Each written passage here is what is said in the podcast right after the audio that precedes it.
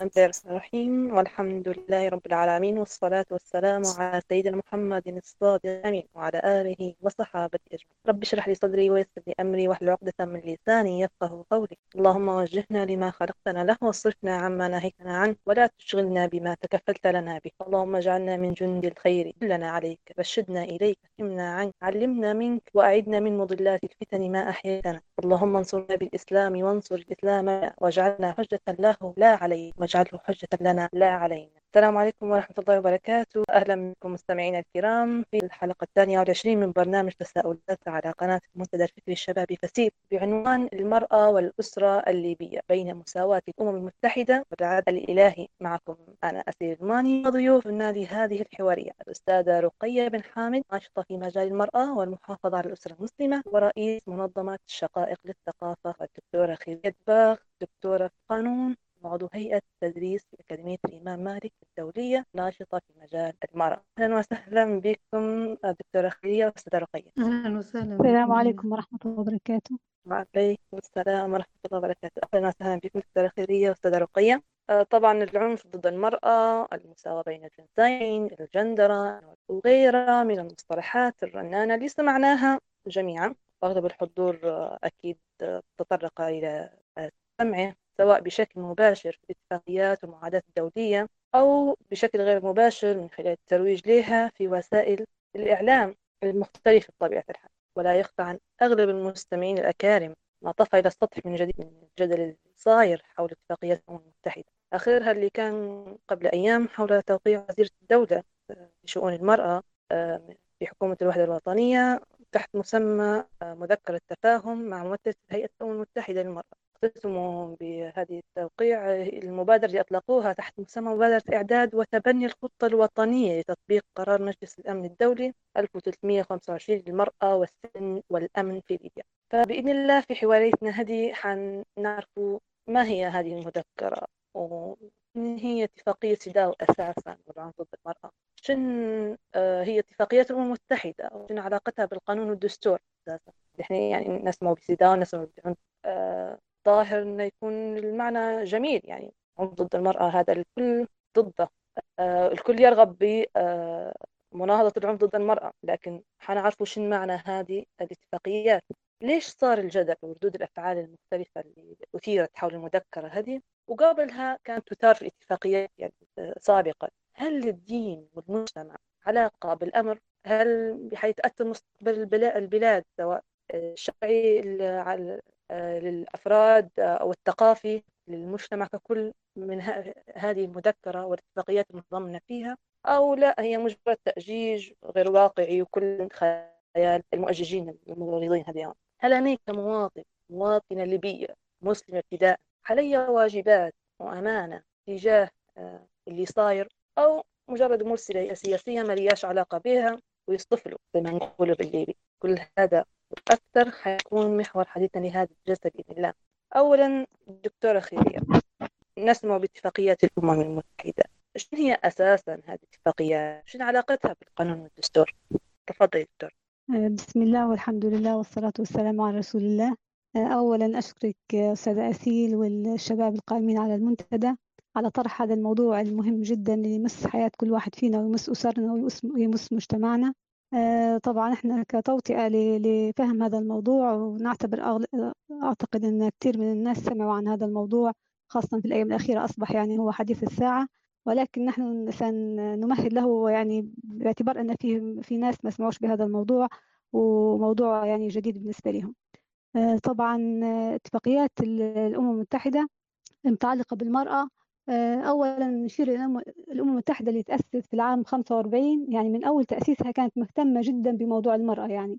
فأبرمت اتفاقيات كثيرة يعني عدد اتفاقيات يعني لا يمكن الآن آه، تعدادها في المجال يضيق عن تعدادها في موضوع حقوق المرأة. فهناك عدة اتفاقيات ومواثيق وإعلانات تتعلق بحقوق المرأة. أهم هذه الاتفاقيات اتفاقية سيداو ولعل أغلبكم يسمع بهذا الاسم. طبعا اتفاقية سيداو آه، إحنا حرك حنعرفوها ليش؟ لأنها هي محور اتفاقيات آه، الأمم المتحدة المتعلقة بالمرأة وهي الوثيقة الأساسية لحقوق المرأة اللي كل الوثائق والاتفاقيات الثانية يعني تأخذ من هذه الاتفاقية وتشير إليها وت- وتبني عليها. اتفاقية سيداو هي اتفاقية القضاء على جميع أشكال التمييز ضد المرأة. هذه كما قلت هي أهم اتفاقيات الأمم المتحدة المتعلقة بحقوق المرأة. هذه الاتفاقية هي اتفاقية تتكون من 30 مادة. الهدف الأساسي من هذه المواد والمطلب الأساسي فيها هو المساواة بين المرأة والرجل في جميع ميادين الحياة سواء كانت الميادين السياسية أو الاقتصادية أو الاجتماعية أو الثقافية أو المدنية أو غيرها من من من الميادين. فهذا هذا كان أساس اتفاقية سيداو وكل المواثيق والاتفاقيات الأممية الأخرى اللي أصدرتها الأمم المتحدة كلها تحوم حول هذا المعنى وممكن تتغير الألفاظ ولكن المحتوى هو هو واحد يعني. فإذا هدف مواثيق الأمم المتحدة المتعلقة بالمرأة هو آه، تحقيق المساواة بين المرأة والرجل بالإضافة إلى أهداف أخرى ثانوية إن شاء الله نشير لها خلال حوارنا. أستاذة رقية يعني سمعنا بالأحداث الأخيرة حول مذكرة التفاهم قبل وزيرة الدولة لشؤون المرأة. ما موضوع هذه المذكرة؟ وشن صاير أساسا؟ حتى وصل الأمر لتوقيع هذه المذكرة. وبين من ومن تم التوقيع؟ في البداية نحب نشكركم على طرح الموضوع لأن الموضوع حساس جدا وخطير ويا ريت من خلال المنتدى ومنطلقا من هذه الحوارية يكون فيه مستقبلا أكثر من نشاط تعريف باتفاقيات الأمم المتحدة وحنعرجوا على موضوع المذكرة. إن شاء الله. إن شاء الله مذكرة التفاهم اللي طبعا إحنا النسخة اللي عندنا ما هيش النسخة اللي خرجت رسميا يعني هذه تعتبر نسخة مسربة لكن آه هذه الموجودة عندنا. فيه مادة هي المادة الثانية نفهم من كلامك قبل ما نبدأ أستاذ رقية أن لم تخرج نسخة رسمية من الدولة أن هذه المذكرة تم التوقيع عليها إنما تم لا. تسريبها بشكل سري يعني. نعم. إيه، نعم. لم تخرج بشكل رسمي. وحتى عندما طلبنا أن نستلم مذكرة بشكل رسمي أو نطلع عليها ما فيش أي رد. فاعتبروها يعني هي هذه المذكرة اللي تم التوقيع عليها. طبعا لما تسمع بالقرار 13 25 نقدر نقولوا يعني كأن حصان طروادة زي ما يقولوا. يعني اتفاقية سيداو اللي عليها في عليها تحفظات من جميع الدول من ضمنهم ليبيا. تم في المادة 2 المادة الثانية من من المذكرة نقرأ النقطة. المساهمة في مجال مواضيع هيئة الأمم المتحدة للمرأة بشأن التمكين الاقتصادي وإنهاء العنف ضد المرأة والقيادة والمشاركة السياسية والسلام والأمن والحوكمة والتخطيط والموازنة المستجيبة للمنظور الجنساني والعمل الإنساني الذي يراعي الفوارق بين الجنسين. وكذلك قرار مجلس الأمن التابع للأمم المتحدة رقم 1325 والقرارات اللاحقة بشأن سلام وأمن المرأة وخطة التنمية المستدامة لعام 2030 واتفاقية القضاء على جميع أشكال التمييز ضد المرأة يعني تم الإشارة لسيداو بكل وضوح في المذكرة. بصراحة نعم. هذه آه، طيب. من أكثر أخطر النقاط اللي ذكرت في المذكرة. طيب أولا بين من ومن؟ من وقعها من ساهم فيها يعني المذكرة؟ هل تم التوقيع بشكل رسمي من قبل الدولة؟ تم التوقيع نعم من قبل وزيرة شؤون المرأة مع هيئة الأمم المتحدة.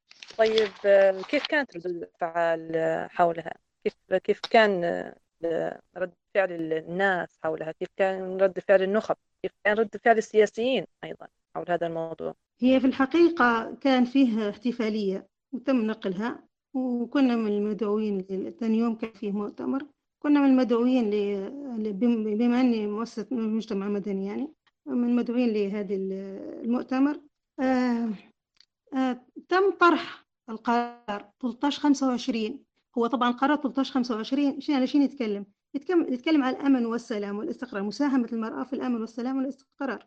لكن لم عندما تم طرح اولويات أو وضع الخطة الوطنية طلب من الحاضرات وضع خطة وطنية لتنفيذ القرار 1325 كما حدث في جميع الدول التي طبقت هذا القرار.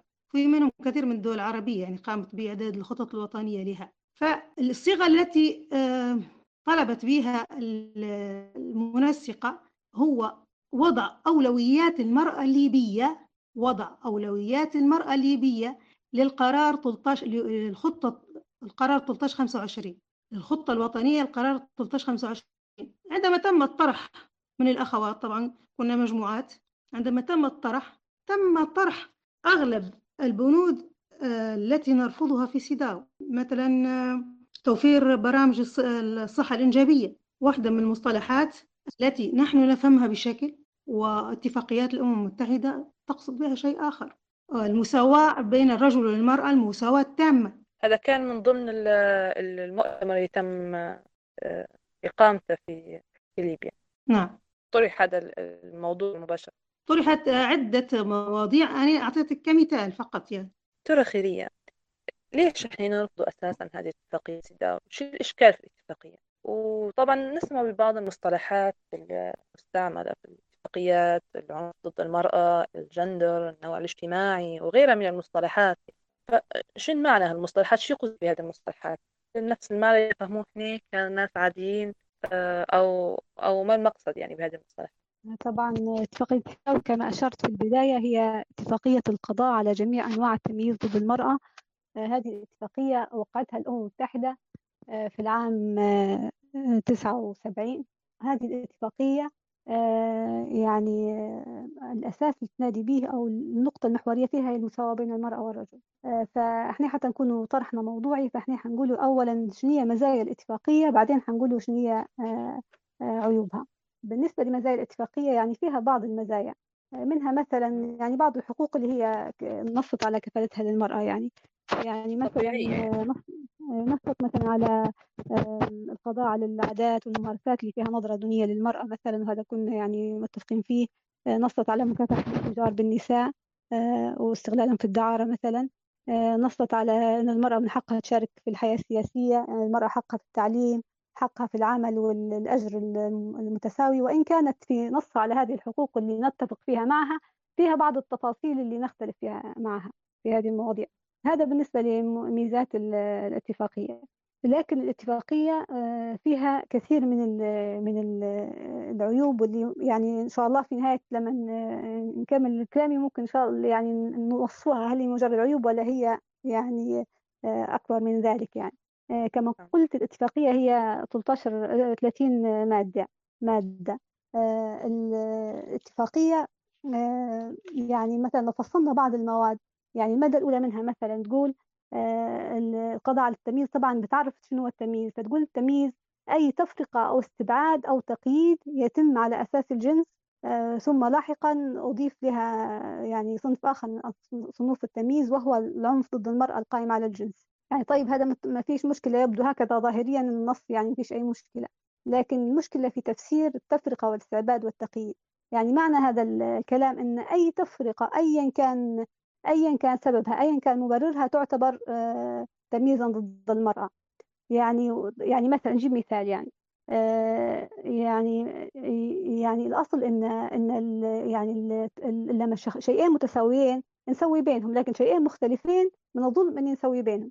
يعني مثلا في حياتنا حتى الأسرية مثلا شخص عنده ابنين واحد عمره أربع سنوات وواحد مثلا طالب في الجامعة. آه، هل من المنطقي أو من المساواة أن يعاملهم نفس المعاملة أو يعطيهم نفس المصروف آه، طبعا كل واحد كل واحد يحتاج معاملة تختلف. مثلا عند ابن مريض وابن صحيح يعني هل من العدل أن يعاملهم معاملة متساوية إذا أعطى هذا مال يعطي الثاني إذا أنفق على هذا في العلاج ينفق على الثاني هذا هذا من الظلم لو لو سوى بينهم. فإذا الأصل أن المساواة بين المختلفين يعتبر ظلم. فالمرأة والرجل مختلفين من حيث الطبيعة والتكوين. يعني الله خلقهم كل واحد له تكوين يعني عضوي مختلف كل واحد له دور في الحياة مختلف. فالأصل أن هم متساويين في الإنسانية متساويين في الحقوق متساويين في الواجبات ولكن الأدوار المناطة بكل واحد منهم تختلف عن الآخر. يعني لما إحنا نجوا نسووهم في كل شيء كأنهم شخ... يعني جنس واحد هذا يعتبر يعني ظلم بل مخالفة للفطرة. فهذا أول اعتراضنا على تعريف التمييز يعني.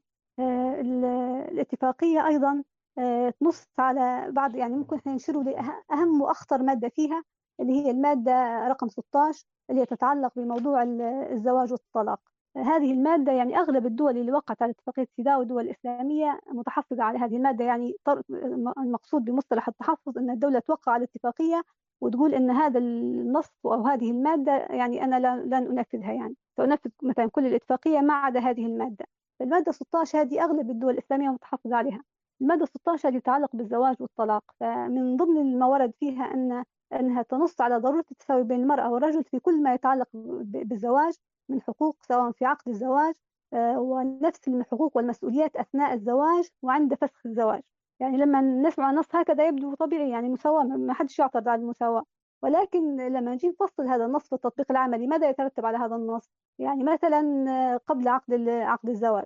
الأصل أن المرأة في الشريعة أن لا زواج إلا بولي. لما وبما أن الرجل لا يتزوج يزوج نفسه ما يحتاج ولي فلو طبقنا الاتفاقية الاتفاقية تعتبر يعني حاجة المرأة لولي في الزواج تعتبرها تمييز ضد المرأة. بالتالي إذا المرأة من حقها أنها تزوج نفسها بدون موافقة أهلها ولا يزوجها ولي زيها زي الرجل. يعني هذا مقتضى المساواة في في إبرام عقد الزواج. مثلا في موضوع المهر. يعني الرجل ما يأخذش مهر معناها حتى المرأة من تمييز لو أعطيناها مهر. حتى في بعض ال يعني ال ال الأدبيات في مجال حقوق المرأة يقول يسموا فيه مهر العروس. يعني يعني عفوا ثمن العروس. يعني كأنها يشتروها بالمال. يعني مثلا أن الرجل في الأسرة عنده حق القوامة قوامة على الزوجة والأبناء. هذه أيضا يعتبرها تمييز ضد المرأة. طبعا إحنا كنا فاهمين أن القوامة ليست معناها أن الرجل أفضل من المرأة ولا أن الرجل له ميزات. لا هو القوامة هي مجرد تكليف وليس تشريف يعني الرجل كلف بمجموعة من التكاليف إن هو هو اللي يدفع المهر هو اللي يؤسس بيت الزوجية. هو اللي يعني يقوم المسؤوليات المالية كلها عليه يتحمل مسؤوليات الزوجة والأبناء. يعني مقابل هذه المسؤوليات اللي ألقت على كاهل الرجل في حين المرأة ليست عليها أي مسؤوليات مالية هي حتى الإنفاق على نفسها هي غير ملزمة به. يعني حتى ولو كانت غنية هي لا تلزم بالإنفاق على نفسها. في مقابل هذه هذه هذه القوامة على المسؤولية والتحمل التبعات وهذه التكاليف المالية الرجل أعطي هذه هذا يعني هذه الميزة اللي هي القوامة.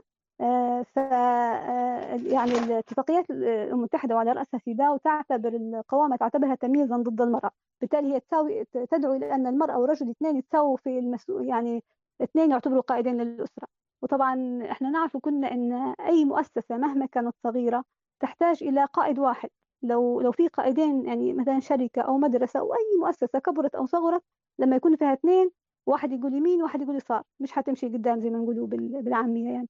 فالأسرة نفس الشيء يعني هي الأصل هي مفروض مبنية على على التشاور والحوار والنقاش والتراضي لكن لو الزوجين ما اتفقوش في في قرار معين مثلا الكلمة الأخيرة لمن تكون؟ المفروض تكون في قائد تكون له الكلمة الأخيرة الله سبحانه وتعالى خلاها للزوج. بحيث حتى لو هو أخطأ في الآخر هو يتحمل تبعات هذه هذا القرار. فيعني إذا المساواة في في عقد الزواج يقتضي المساواة في ال في ال في القوامة. يعني ما فيش قوامة للرجل اثنين يعتبروا قائدين للأسرة. مثلا في عقد الزواج إن المرأة يعني الشرع يعني يجيز للرجل الزواج بكتابية يعني يهودية أو مسيحية لكن المرأة المسلمة لا يجوز لها الزواج بغير مسلم. هذا يعتبروه من قبيل التمييز ضد المرأة في في عقد الزواج. بالتالي يعني ما دام أبحنا للرجل أن يتزوج بكتابية يهودية أو مسيحية إذا حتى المرأة من حقها أن تتزوج بكتابي. وطبعا كنا نعرف أن السبب في إباحة زواج الرجل المسلم من كتابية ومنع بالنسبة للمرأة أن الرجل هو اللي قائد الأسرة. بالتالي لما المسلم يتزوج كتابية مسيحية أو يهودية فهو طبعا إحنا كمسلمين نؤمن بسيدنا عيسى ونؤمن بسيدنا موسى. بالتالي هو في إسلامنا لا إكراه في الدين يعني سيتيح سي يعني الإسلام يفرض عليه أن يحترم ديانتها ويسمح لها بالقيام بشعائرها لكن لو المسلمة تزوجت مسيحي أو يهودي هو لا يعترف بالإسلام فلن يسمح لها بأن تقيم شعائر دينها وقد يفرض عليها أنها تتأثر به وتدخل يعني تترك دينها. فلهذا السبب فقط هي المرأة يعني منعت من الزواج بغير مسلم. مثلا في الولاية على الأبناء يعني الأصل أن الولاية يعني في أثناء قيام المعارك الزوجية للزوج. فالاتفاقية تعتبر إعطاء الولاية للأب يعني تعتبر تمييز ضد المرأة. مثلا في تعدد الزوجات تعتبر إعطاء التعدد للرجل دون المرأة تعتبره تمييزا ضد المرأة. مثلا إعطاء حق الطلاق للرجل دون المرأة أيضا تعتبر اتفاقية تمييز ضد المرأة. وطبعا كما نعرف إن إن إعطاء حق الطلاق للرجل يعني هو الأصل إن الرجل بيده الطلاق. ولكن المرأة إذا كانت متضررة من الحياة الزوجية ممكن أن ترفع دعوى إلى القضاء ويتم فسخ عقد الزواج. ممكن في حاجة اسمها الخلع يعني تقوم تطلب الخلع وترد له المهر الذي دفعه ويتم فصل يعني عرى الزوجية بينهم. فيعني حتى المرأة عندها وسائل للخروج من العلاقة الزوجية يعني ولكن ليس لديها الطلاق. وطبعا المبرر يعني هو أن المرأة عاطفية فلو كان الطلاق في يد المرأة كانت ستطلق يعني كل يوم لأبسط المشاكل يعني. أيضا من من قبيل يعني يعني اتفاقية سيداو تعد تعتبر من قبيل التمييز بين المرأة والرجل ما يعني ما يترتب على على الطلاق من أو وفاة الزوج من عدة. يعني المرأة لما يتوفى زوجها أو تطلق هي مفروض عليها تبقى فترة معينة في فترة عدة لا تتزوج. هذه العدة تعتبرها اتفاقية سيداو تمييزا ضد المرأة. ليش الرجل ما لما يطلق ولا يتوفى زوجته يتزوج على طول؟ المرأة تنتظر فترة العدة. هم يطالبوا أن من المرأة زي هذه الرجل لا تنتظر عدة. أيضا لما تنتهي الحياة الزوجية يعني آه، إعطاء حق الحضانة للأب. طبعا هي فيها شروط معينة. أنت تعطي الحضانة للأب وكذا. هم يرفضون ذلك يعتبروه تمييزا ضد المرأة ويطالبوا أن أن الحضانة تكون للأم فقط. فيعني هذا فيما يتعلق بعقد الزواج.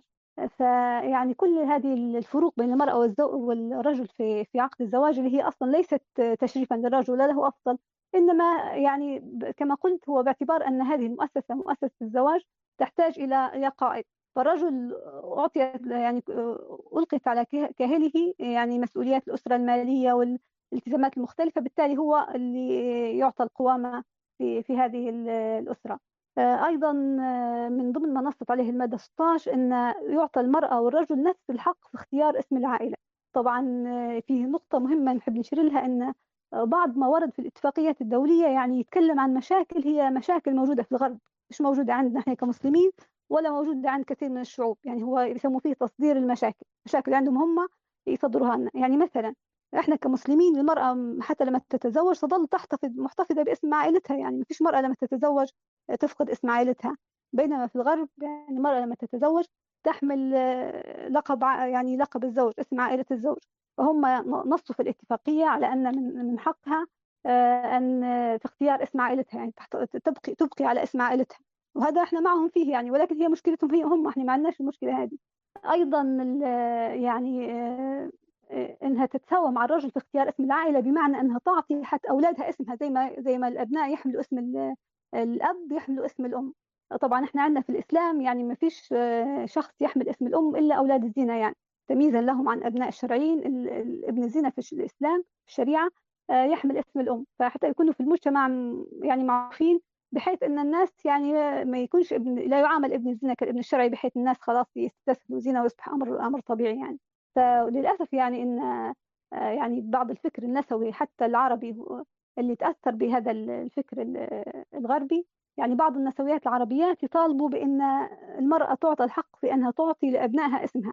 حتى إن النسوية المشهورة اللي كلكم تعرفوها نوال السعداوي آه، يعني أعطت اسمها لبنتها فعندها بنتها اسمها منى فمسمية نفسها منى نوال حلمي. يعني منى اسم أمها بعدين اسم والدها يعني. فيعني شوفوا ال يعني ال سبحان الله يعني اشياء منافية, منافية للفطرة يعني. أيضا يعني في بعض من المشكلات مثلا اللي هي مشكلات غربية حاولوا تصديرها لنا مشكلة الأهلية القانونية إعطاء الأهلية القانونية للمرأة والذمة المالية المستقلة. ما معنى هذا الكلام؟ معناها يعني إن المرأة لازم تكون عندها الحق إنها تبيع وتشتري وتبرم عقود وكذا بنفسها هي ما يكونش الرجل ولي عليها ولا وصي عليها. من حقها إنها تكون لها مالها الخاص بها ما, يدخلش فيه الرجل ولا يطر ولا له أي صلة به ولا له أي حق فيه. طبعا هذا إحنا عندنا في الإسلام يعني ما عندناش فيه أي مشكلة. المرأة لها ذمة مالية مستقلة تقدر تبيع وتشتري وتتصرف كما تشاء. فهذه مشكلة من مشكلات الغرب اللي هم يعني صدروها لنا وحاطينها في المواثيق الدولية وإحنا بالنسبة لنا ما عندناش فيها أي أي مشكلة. أيضا من من ضمن المساوئ اللي في الاتفاقية مثلا طيب موضوع دكتورة خيرية نعم. طيب دكتورة خيرية نسمع بمصطلح مصطلحات يعني تستعمل في الاتفاقيات من ضمنها اتفاقية سيداو هو العنف ضد المرأة. طبعا إحنا جميعا يعني شيء إشكال في العنف ضد المرأة.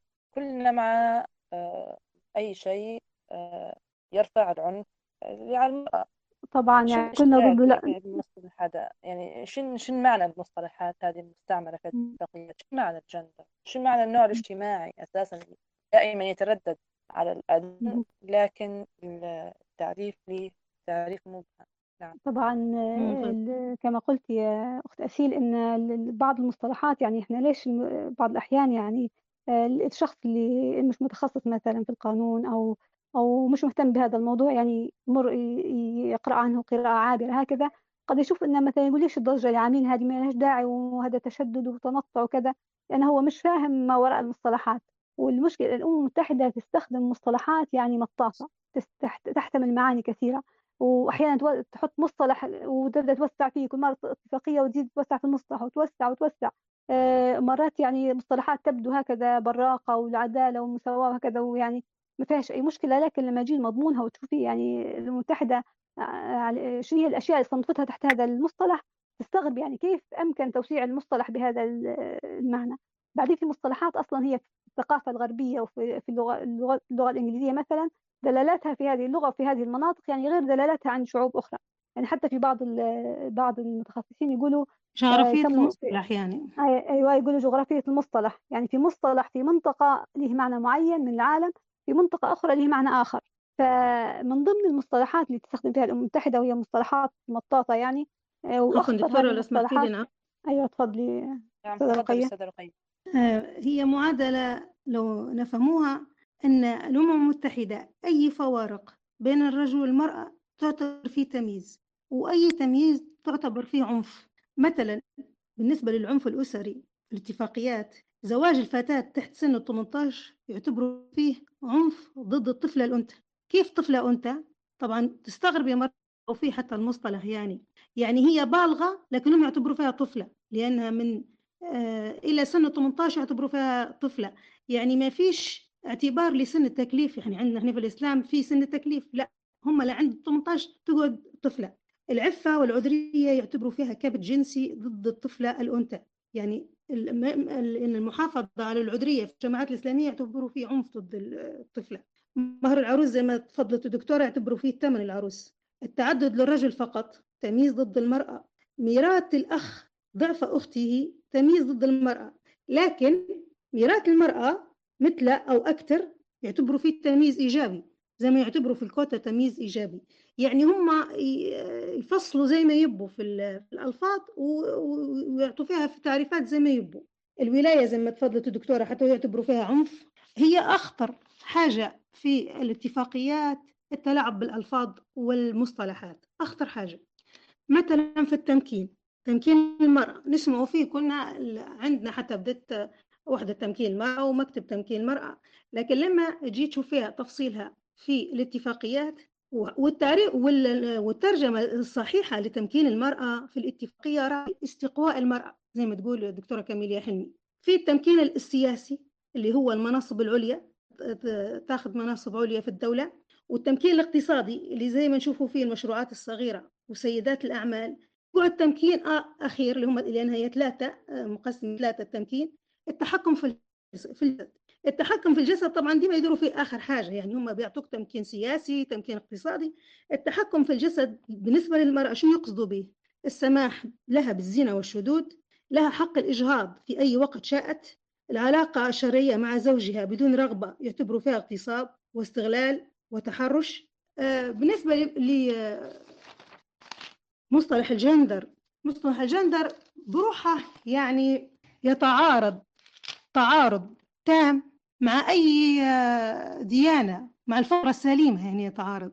مثلا لما نجو نقولوا جنس يعني ذكر وأنثى لكن لما نجو نقولوا جندر يعني أنثى وذكر وآخرين حسب ما هم يصنفوا فيها تلقيها مرات حتى في بعض التطبيقات يعني. وصلوا أخيرا إلى ال gender equality اللي هو شني اللي هو الشذوذ أو التساوي المطلق للمرأة مع الرجل. تفضلي دكتورة. بارك الله فيك أستاذة رقية. آه، بالنسبة كما ذكرت الأستاذة رقية أن أخطر المصطلحات اللي تنص عليها اتفاقيات الأمم المتحدة مصطلح الجندر ولا الترجمة العربية ليه النوع الاجتماعي. حتى لو تشوفوا الآن تدخلوا على الفيس أو أي آه، تشوفوا مثلا تدخلوا تطبيقات مثلا لما تدخلي على على مثلا على تفتحي حساب في الفيس مثلا أو حتى تدخلي تشوفي نشاطات بعض الجمعيات المتعلقة بحقوق المرأة تلاقي المساواة في النوع الاجتماعي التمييز المبني على النوع الاجتماعي. يعني هكذا يبدو مصطلح عادي يعني باللغة العربية.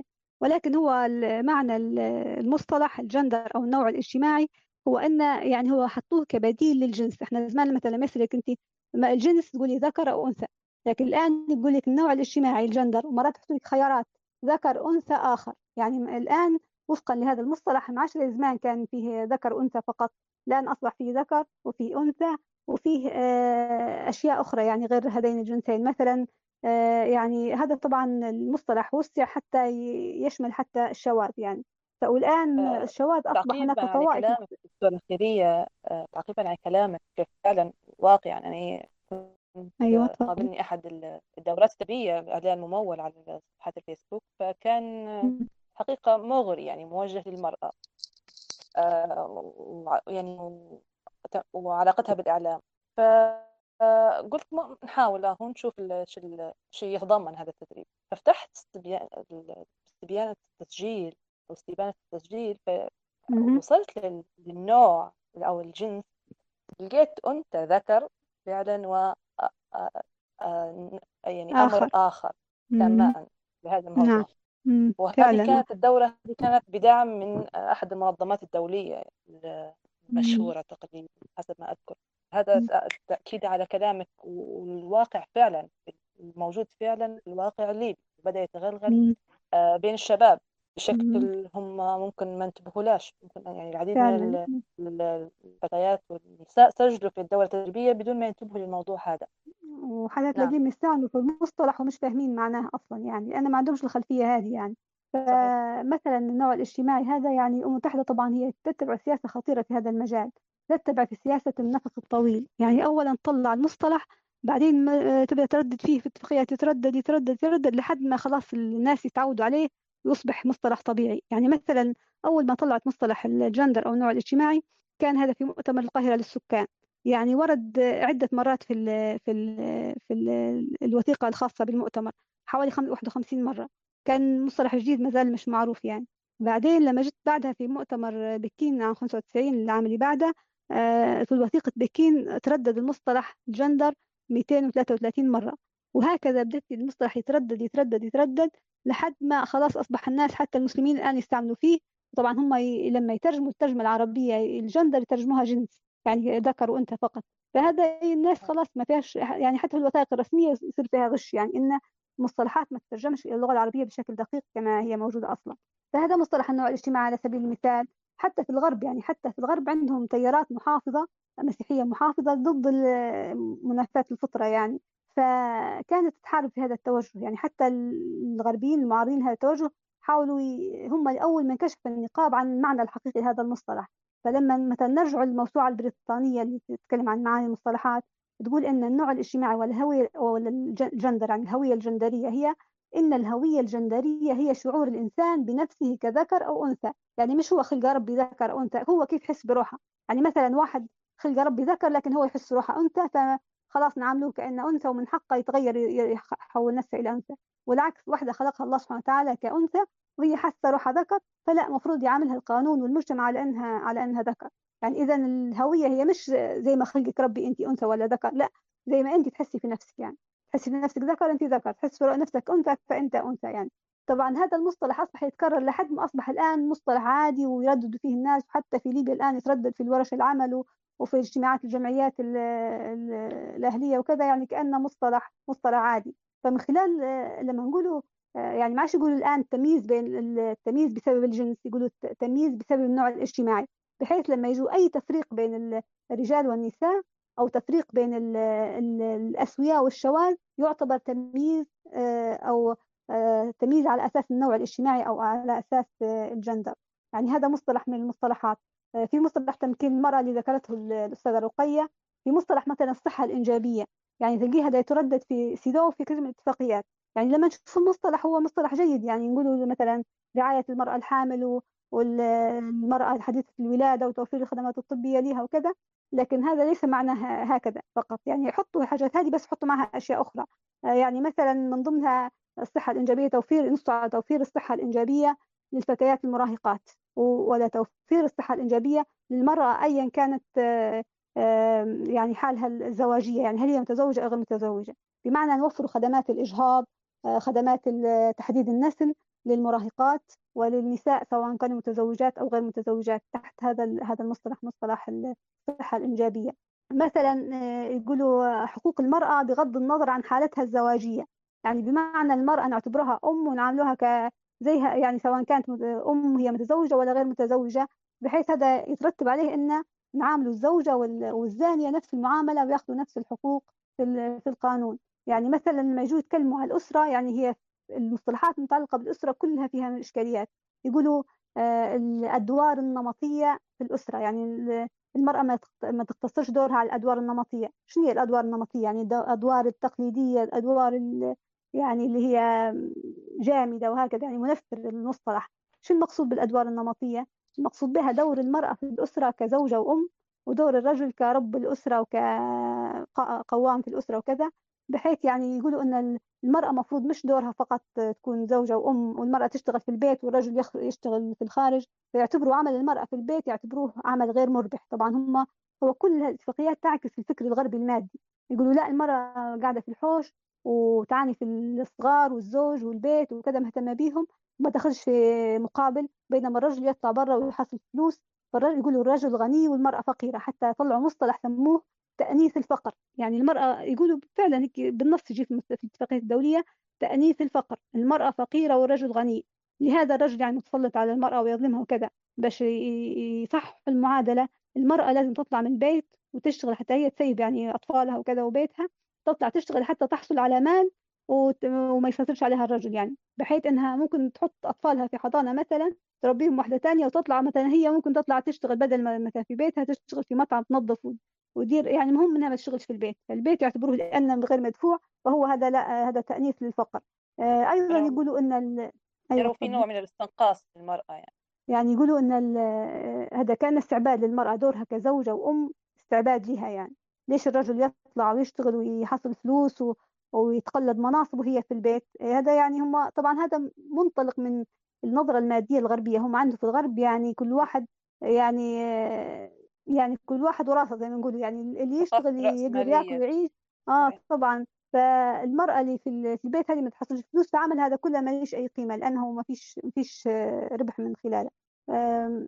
أيضا يترتب على مفهوم ال يعني المفاهيم اللي أسستها الأمم المتحدة المتعلقة بالأسرة أن الأمومة يقولوا الأمومة وظيفة اجتماعية وليست فطرية. يعني يقولوا أن المرأة ليست يعني الأنثى مش هي أم لأنها هي أصلا فطر الله خلقها هكذا لا لأن المجتمع علمها لما هي صغيرة البنت يجيبوا لها هدية هدايا ألعاب بنات هكذا والأولاد الولد يجيبوا لها مثلا مسدس وسيارة وكذا بنت يجيبوا لها لعبة طفل صغير وكذا وكأنها أم فهم علموها إن هي هذا دورها والرجل دوره انه يحارب ويشتغل وكذا فهي أصلا مش ربي فطرها هكذا لا هي هذا هذا دور نمطي وظيفة يعني المجتمع فرضها عليها. بالتالي هي مش المفروض ما تتقيدش بهذه الوظيفة وهذه الوظيفة ممكن يقوم بها أي حد يقوم بها الرجل نفسه ولا ولا تحط الأولاد في حضانة ولا كذا هي مش وظيفتها هي هي بس يعني. آه، يعني آه، هذا بعض بعض المصطلحات اللي مثلا مصطلح العنف ضد المرأة اللي هو من أخطر المصطلحات. طبعا إحنا لما نقول عنف ضد المرأة يتبادر إذهاننا الضرب والشتم والإهانة آه هذا هو العنف. لكن في في أدبيات الأمم المتحدة وفي اتفاقيات الأمم المتحدة ليس هذا العنف المقصود. العنف ضد المرأة أي تمييز مبني على النوع الاجتماعي. يعني أي تمييز بين المرأة لاحظوا قلت النوع الاجتماعي ما قلتش الجنس. يعني مش مبني بين المرأة والرجل بس. أي تمييز أي تفرقة بين الرجال والنساء أيا كان السبب مثلا في الأدوار في الأسرة مثلا. يعني أي شيء يتعلق عند ابرام عقد الزواج زي ما قلنا مثلا القوامة المهر. آه، التعدد العدة حق الرجل في الطلاق كل هذا تمييز بين الرجل والمرأة هذا كله يعتبر عنف ضد المرأة. يعني مثلا آه، هذا في مجال في مجال الأسرة. التمييز أيضا بين ال بين ال الأسوياء والشواذ أيضا يعتبر عنف مبني على النوع الاجتماعي. يعني المفروض الشواذ آه، هم أصلا طبعا وفق النظرة الغربية هم أصلا يعني هم تكوينهم العضوي هكذا الله خلقهم يعني وهكذا. هو هو يشعر بنفسه إنه هو أنثى ولا هي تشعر بأنها ذكر فمفروض المجتمع يحترم حقوقهم ويعطيهم حقهم في التعبير عن ذاتهم في في التظاهر وفي تكوين الجمعيات وفي في الزواج. بل إن الآن الاتحاد الامم المتحدة تنص على أن الاعتراف بحق هؤلاء في الزواج وكثير من الدول أصبحت تعترف بحقهم وأصبحت حتى يعني آه، يعقد عقد الزواج بين رجلين أو امرأتين في الكنيسة الآن أصبح. في دول كثيرة مع رأسها أمريكا اعترفت بحق الشواذ في الزواج يعني. طيب آه، أستاذة رقية صرحت الوزيرة بأن بنود المذكرة التفاهم اللي وقعتها لا تمس تعليم الشريعة الإسلامية. آه، هي تساند المرأة الليبية وتحميها تعتبر بمنفعات وأضاف أنها أن المذكرة هذه بالعكس هي حتدعم دور المرأة في إحلال السلم المجتمعي. وشددت على ضرورة إعداد الوطنية بالشراكة مع المؤسسات والوزارات الدينية وأيضا غردت مستشارتها مستشارة شؤون المرأة بحكومة الوحدة الوطنية قالت بين قوسين لا عتب على جاهل لا يفرق بين اتفاقية سيداو وبين قرار أممي 1325 حول المرأة والسلام والأمن أين وجه الشبه بين قرار مجلس الأمن رقم 1325 واتفاقية القضاء على جميع أشكال العنف ضد المرأة؟ ف... فشو الإشكال اللي أنتم تطرحوا فيه أثرتوه حاليا حول هذه المذكرة؟ أو قلت لكم المستشارة آه، ما فيش أوجه شبه بين الاتفاقية سيداو وبين المذكرة هذه وكلها من خيالاتكم فشو الإشكال في هالمذكرة اللي تم توقيعها مؤخرا من الوزيرة؟ نعم. القرار قرار 1325 شنو يقول؟ يقول ضمان زيادة تمثيل المرأة على جميع مستويات صنع القرار في المؤسسات والآليات الوطنية والإقليمية والدولية لمنع الصراعات وإدارتها وحلها. هذاك القرار بعدين الأمين العام عقب على هذا القرار شن قال؟ تعيين المزيد من النساء كممثلات ومبعوثات خاصات للقيام بالمساعي الحميدة باسمه كما حتى على السعي إلى زيادة دور المرأة وإسهامها في عمليات الأمم المتحدة الميدانية وخاصة بين المراقبين العسكريين والشرطة المدنية وموظفي حقوق الإنسان والمساعدة الإنسانية هذا القرار لا يشير إلى أي شيء نجو بعدين ثم طلب الأمين العام من جميع أطراف الصراع المسلح ما يلي احترام القانون الدولي المنطبق على حقوق النساء والفتيات لا سيما اتفاقية القضاء على جميع أشكال التمييز ضد المرأة وبروتوكولها الاختياري واتفاقية الأمم المتحدة لحقوق الطفل 1989 وبروتوكوليها الاختياريين. يعني ضمنيا آه، اتفاقية سيداو اللي كنا نتكلم عليها والمساوئ متاعها والكوارث اللي فيها واتفاقية الطفل. يعني القرار 1325 هو نفسه. وزي ما قلت لك بكري فيه متاع إن كأن 1325 هذا هو حصان طروادة اللي بنخششوا به الاتفاقيات هذه اللي إحنا رافضينها واللي وحتى لو موقع عليها ليبيا لكن لم تصادق عليها ومرفوضة وفي عليها تحفظات يا ريت الدكتورة خيرية تعرج شوية على اتفاقية آه، الأمم المتحدة لحقوق الطفل لأنها من ضمن قرار 1325 طيب قبل الدكتورة خيرية آه، نبي نفهم اللي اللي قرأتيه حاليا أستاذة رقية كان من ضمن آه، قرار 1325 الرئيسي المنشور صحيح؟ المنشور في آه، صفحة الأمم المتحدة. آه، عفوا أستاذة أسي ممكن تسمحي لي مداخلة بس قبل ما نتكلم عن القرار يعني طبعا بس حابة نشير أن يعني طيب. زي ما قريتي تعليق مستشارة الوزيرة يعني قالت أن القرار ماليش أي علاقة بسيداو وهو من الجهل أن نربط بينهم وكذا. يعني فعلا هو القرار ليس له علاقة مباشرة بسيداو بس أنا حابة ننبه لأن اتفاقية سيداو ليبيا موقع عليها من عهد القذافي. يعني من عام 89 ليبيا وقعت على الاتفاقية. آه ليبيا أيضا وقعت حتى على البروتوكول الاختياري الخاص بالاتفاقية. يعني ليبيا إذا هي طرف الاتفاقية من من زمان يعني مش الآن من عام 89 لكن طبعا لما الدولة توقع على اتفاقية معينة الأمم المتحدة زي ما قلت تتخذ سياسة بالتدريج يعني واحدة واحدة. أول أول شيء آه، لما تبي تبي تطرح أي تفرض أي موضوع على العالم أول شيء تثير الإعلام. يبدأ يتكلم في قضية معينة. يبدأ يتكلم مثلا زواج القاصرات زواج القاصرات زواج القاصرات. تلاقي كل الناس كل فجأة هكذا يعني تستغرب كل القنوات تتكلم عن زواج القاصرات. كل وسائل التواصل تتكلم عن زواج القاصرات.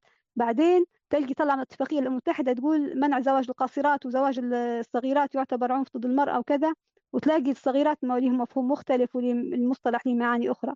بعدين لما الدولة تبدأ تشجع في الدول إنها توقع الاتفاقية وتعطيها مجال للتحفظ يعني لأي بنود تخالف شريعتها أو أو عاداتها أو قيمها تتحفظ عليها وتمتنع عن تطبيقها.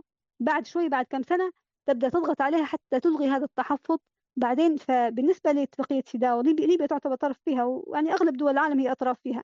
لكن كثير من الدول متحفظة على بعض البنود فيها منها ليبيا. وأصلا اتفاقية من 89 آه، موجودة ولكن لم تطبق. الأمم المتحدة يعني نفسها نفسها طويل في هذا المجال. يعني ليبيا بعدين وقعت على البروتوكول الاختياري.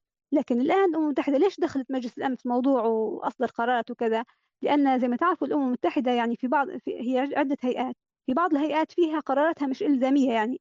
هي لها صفة استشارية.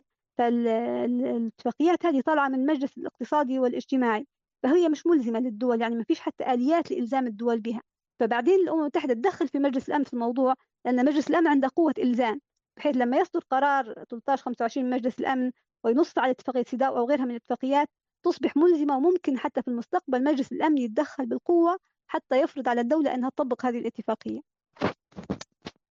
تفضل أستاذ أسيل. آه طيب جميل جدا دكتورة خيرية بس آه نرجع ممكن لمذكرة التفاهم.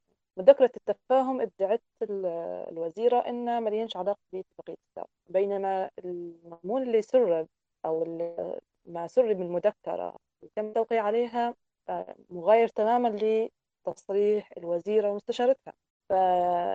فالواضح أن كان من ضمن مذكرة التفاهم التأكيد على قرار 1325 قرار 1325 لمن يعود لهذا القرار في صفحة الأمم المتحدة يجد أنها من ضمن هذا القرار آه، التأكيد عليه ما تكلمنا عن اتفاقية سيدا واتفاقية التمييز هي نفس التمييز ضد المرأة واتفاقية العنف ضد المرأة وغيرها من الاتفاقيات.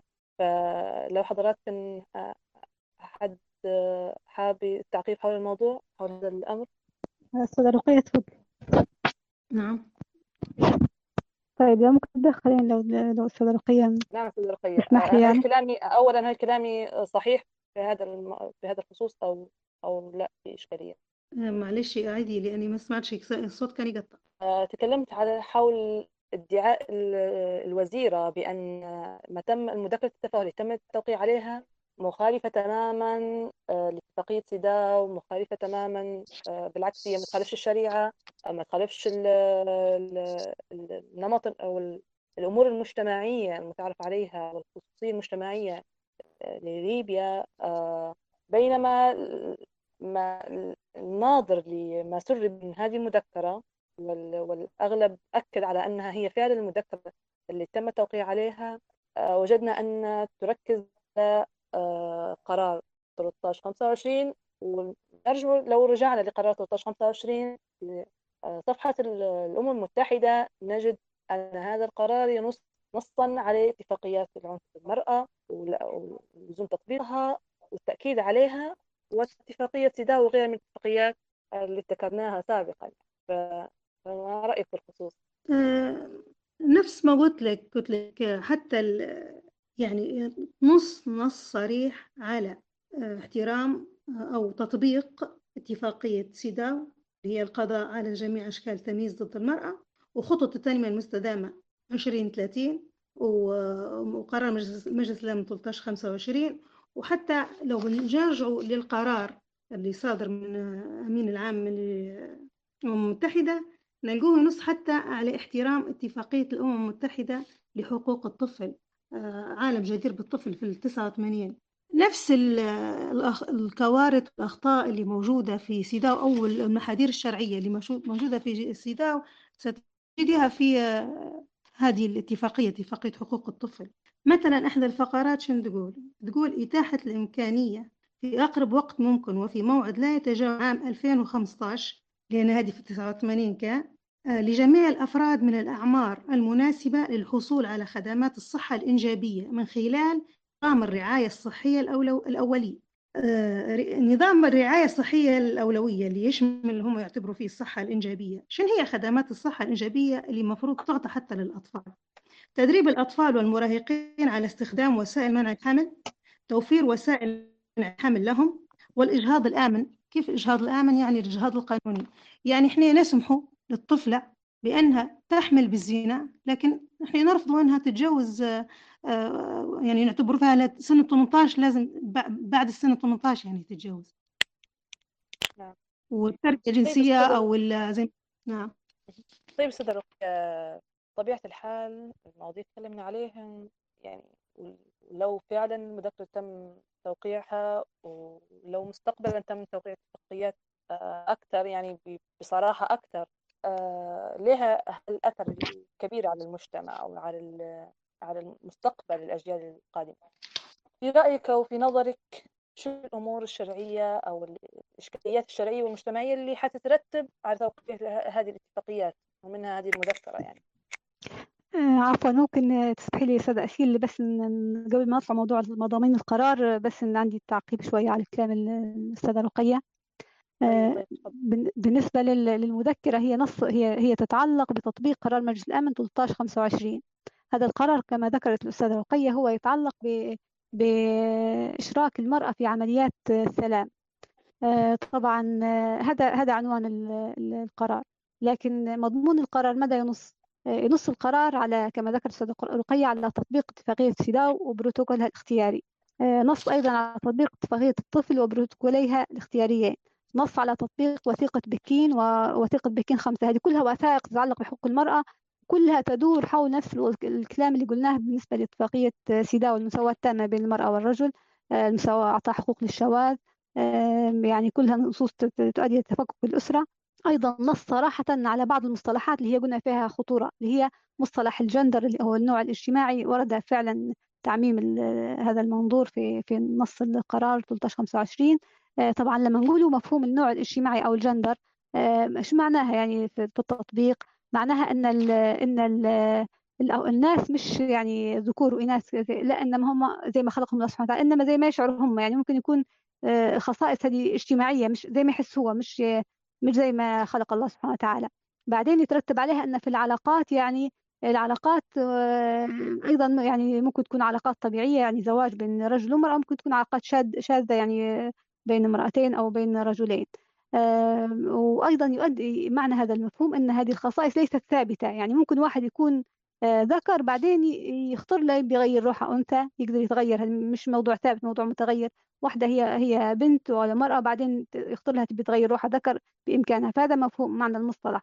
آه، أيضا القرار ورد فيه بشكل صريح آه، العنف المبني على الجندر أو النوع. شو المقصود به العنف؟ هنا يعني التمييز المبني على على النوع. يعني أي فوارق في التعامل في القوانين بين الأسوياء والشواذ هذه تعتبر عنف ضد عنف أو تمييز مبني على على الجندر وهو مخالف لهذا القرار يعني. فهذه هي محتويات القرار. إذا هي هو القرار هي الوزيرة قالت صح هو هو مش اتفاقية سيداو هو فعلا ليس اتفاقية سيداو ولكن هو في مصائب أكبر من اتفاقية سيداو يعني هو نص على تطبيق اتفاقية سيداو بالإضافة إلى الماديات الأخرى نفس نمط سيداو وتبنى مصطلح الجندر أو النوع الاجتماعي ومنع التمييز على أساس النوع الاجتماعي يعني طالب بالتسوية بين الأسوياء والشواذ في المعاملة القانونية وفي كل مناحي الحياة الاجتماعية يعني. نعم من أراد الرجوع للقرار والتأكد القرار موجود على موقع الأمم المتحدة صحيح؟ نعم في نقطة نقطة بس نسيت نشير لها اللي هن أن القرار نص على هو عادة الأمم المتحدة تمشي برامجها يعني بأساليب مختلفة منها نص على تدريب الناس على الحماية من الإيدز يعني إن الناس يدربوهم على الحماية من الإيدز فتدخل من خلال هذه هذا المو... هذا التدريب ومثلا يعني بعض العاملين في في الجمعيات وكذا اللي يشتغلوا مع ال مع اللاجئين السوريين هنا يعني في الحدود مع تركيا وكذا فيقولوا إن الأمم المتحدة تدخل وتدرب هؤلاء اللاجئين على موضوع بحجة موضوع الحماية من الايدز فلما تشوفي محتوى هذا التدريب من ضمن تدربهم على على استعمال العازل على يعني أشياء تتعلق بالصحة الإنجابية اللي ذكرناها اللي هي معناها يعني العلاقات غير المشروعة وكيف منع الحمل في هذه العلاقات وبالنسبة للمراهقين وكذا.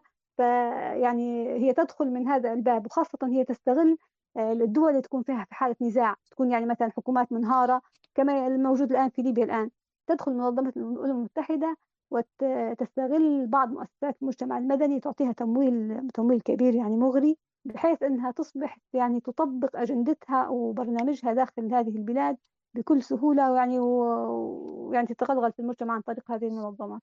نعم. نعم تفضل أستاذة رقيه. عقب على الكلام الأخير للدكتورة إن الأمم المتحدة تستغل دائما الأوضاع الهشة للدول المتصارعة التي تخرج منهكة من الحروب في الضغط عليها من أجل إقحام المواثيق الدولية في دساتيرها وقوانينها المحلية كما تستغل احتياجاتها الملحة للمساعدات المالية في الضغط عليها من أجل تطبيق أجندتها الأممية في مجال حقوق الإنسان. هذا تعقيب للدكتورة كاميليا حلمي في رسالتها اللي كانت بعنوان الأمم المتحدة وهدم الأسرة. في حاجة بنشير لها هي آليات التطبيق. في اللي يقول توا معقولة اللي قاعدين تقولوا فيه إحنا ممكن يطبق في ليبيا بسهولة. زي ما أشارت الدكتورة هم عندهم سياسة النفس الطويل. هم يبدو بشوي بشوي ما عندهمش مشكلة يعني عندهم صبر غريب. آه، فعندهم آليات آليات للتطبيق والمتابعة. عندهم منظمات غير حكومية. المنظمات الحكومية اللي يقوموا بدعمها وممكن ما يطلبوش منه بصورة مغلفة. آه، والإعلام ولو تشوفوا تصفحوا قنوات سواء ليبية أو غير ليبية حتى أو من خلال أفلام أو من خلال كرتون يعني حتلقي الأفكار هي اللي كنا نتكلم عليها سواء سيدا أو اتفاقية الطفل حتلقي فيها الكثير الكثير من هذه المفاهيم تمرر لكن بطريقة خفية. التعليم حتى في التعليم لو تشوفوا حاليا أغلبية الدول العربية غيرت في مناهجها ولا نستبعد أن حتى ليبيا مستقبلا إن شاء الله نقولوا لا. لكن ما دام نحن قاعدين تحت الوصاية وما دام قاعد الأمور غير مستقرة والدستور مش موجود فنسأل الله السلامة. التمويل التمويل كذلك يتم تمويل بعض الجهات قادة دينيين والتشريع. ممكن يعني يحدث أن فيه قادة دينيين زي ما شفنا في دول عربية مرروا أشياء أو مرروا أفكار من هذه الأفكار اللي كنا نتكلم عليها اللي ما فيش يعني إنسان حتى حتى الإنسان العادي مش اللي, اللي نقولوا آه، مشايخ أو عندهم علم بالشريعة ممكن أن يمرروا هذه الأشياء. وتغيير القوانين والتشريعات بما يتماشى مع القرار 1325 يعني هذه شفتها النقطة مكتوبة كانت على إحدى اللوحات لما كنا في المؤتمر.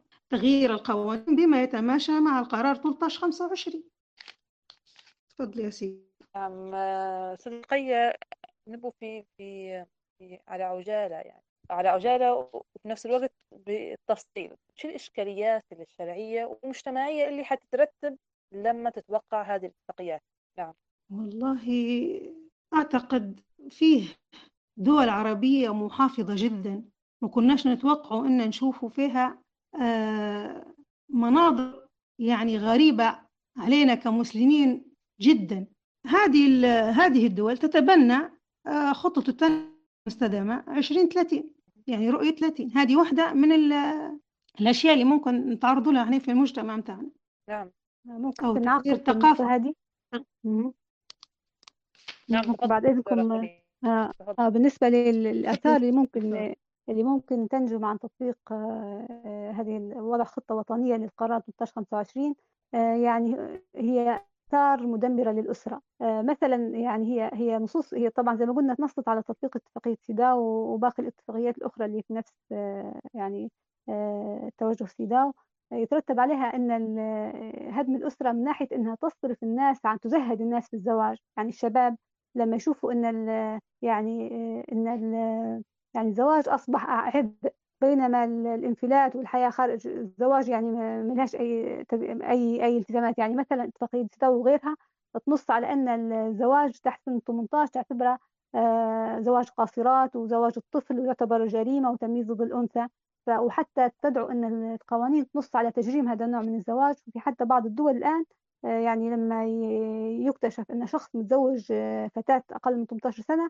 يتم يسجن يعني. في دول فعلا الآن في مثلا في تركيا في بعض الناس سجنوا لأنهم متزوجين يعني بنات شابات زواج شرعي أقل من سن 18 بينما لو ثبت أن هذا مثلا آه، علاقة غير شرعية فلا شيء عليهم لأن هذا آه، حق المراهقة حقها في ممارسة حياتها يعني. ف فإذا تطبيق هذه الاتفاقيات وهذا هذا القرار في تضييق على الشباب يعني في في في نطاق يعني تضييق في مجال الزواج يعني بحيث يخفض يطالب بتخفيض سن الزواج يعني أي زواج تحت 18 يعتبر آه، عنف ضد المرأة بينما أي علاقات غير شرعية هي من حقوق الإنسان ومن حق الأنثى توفر لها وسائل منع الحمل ووسائل الإجهاض وكذا. آه، الشخص لو تزوج آه، حتبقى تكون عليه أعباء يعني في الأسرة هو ند للند سيكون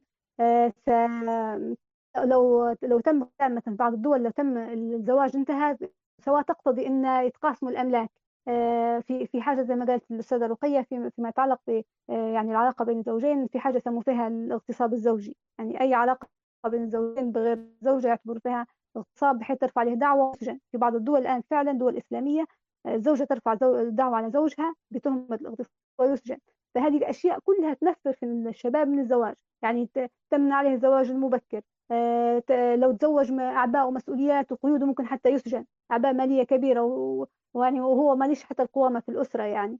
فهذا كله ينفر الشباب عن الزواج. بينما سبل الحرام كلها متاحة وكلها حقوق إنسان وكلها أشياء جميلة يعني في الاتفاقيات. فهو ليش الشاب الآن أو الفتاة يورط نفسه ويرتبط بعلاقة يعني قانونية زواج. خليه في علاقات خارج يعني علاقات خارج الزواج علاقات غير شرعية اللي هي ما فيهاش أي التزامات مالية ومش ما فيش أي مسؤوليات قانونية. هذا ما بالنسبة لل... لل... لل... قبل الزواج. بعد الزواج آه، لما لما نلغوا القوامة في الأسرة يعني ما فيش آه، حد قائد للأسرة معناها الأسرة لما تصير فيها خلاف مثلا اختلاف في وجهات النظر يعني طبعا زي ما قلنا إحنا الأصل إن الأسرة تقوم على التشاور يعني الزوج صح له القوامة لكن هو مطالب إنه يحسن عشرة زوجته ويستشيرها في كل الأمور. لكن في النهاية لو مثلا ما صارش اتفاق حول مسألة معينة من يفصل في الموضوع؟ هو الرجل هو اللي قراره هو اللي يمشي. فهذا هذا في كل المؤسسات يعني حتى غير الأسرة حتى في الدول حتى في الجمعيات حتى في المدارس. يعني في النهاية القرار لمدير هذه المؤسسة. فنفس الشيء في الزواج. يعني لما تخيلوا أسرة ما فيهاش قائد يعني المرأة الزوجة تقول يمين والزوج يقول يسار. كيف حتمشي الأسرة هذه قدام مش حت مش حتنجح يعني. بعدين المرأة ينفروها من البقاء من رعاية الأسرة والأبناء هذه يقولوا أدوار نمطية واستعباد للمرأة. المرأة لازم تطلع ولازم تشتغل يعني طبعا في الإسلام. إحنا وعندنا يعني العمل مشروع يعني والمرأة تستطيع أن تعمل إذا أرادت. لكن في الاتفاقيات الدولية المرأة ملزمة بالعمل ويعني و إذا ما يعني وفق الاتفاقية لازم تطلع تشتغل حتى تحصل مال زي هذا الرجل حتى ما يكونش مسيطر عليها ولا يكون له قرار في الأسرة. يعني أسرة كهذه الأبناء أيضا وفقا لاتفاقيات الطفل كما قالت الأستاذة رقية آه، اتفاقية آه، حقوق الطفل هي تقول إن آه، إعطاء الطفل حرية التصرف إعطاء خصوصية الوالدين مش من حقهم يتدخلوا في الطفل. علاقاته يعني في سن الطفولة تكون له حق في سريتها. يعني الآباء ما يتدخلوش في علاقات أبنائهم ينشئ من العلاقات ما شاء. الطفل من حقه أن يعلم في المدارس الثقافة الجنسية. يعني تقيد إلى حد كبير ولاية الآباء على أبنائهم. بل في بل حتى في بعض الدول تطبيقا لهذه الاتفاقية يوجد ما يسمى بالخط الساخن. يعني الأولاد في المدارس يعلموهم أن الرقم كذا بحيث أهلك قالوا لك أي شيء يعاقبوك على أي شيء تتصل على طول. ممكن الابن يسحب من والديه ويسلم لمؤسسة من مؤسسات الرعاية الاجتماعية.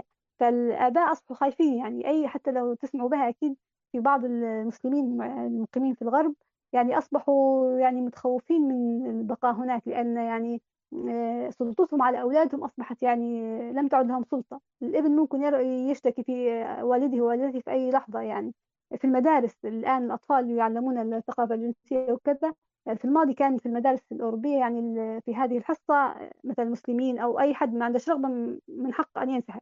الآن ليس من حقه أن ينسحب من هذه الدروس بل تطبيقا لمفهوم النوع الاجتماعي واللي تكلمنا عليه الجندر ان إن من حق الطفل إنه يغير جنسه. يعني حتى في بعض الدول الأوروبية الآن تطبيقا لهذه الاتفاقيات أصبح الطفل لما يكون آه، يعني طفل صغير يعني يريد أن يغير جنسه من ذكر إلى أنثى أو العكس من حقه أن يفعل ذلك وليس للأب الحق في التدخل. يعني حتى في بعض الاباء سجنوا سجنوا لأنهم رفضوا أن أبنائهم يتم حقنهم بالهرمونات حتى يغيروا جنسهم.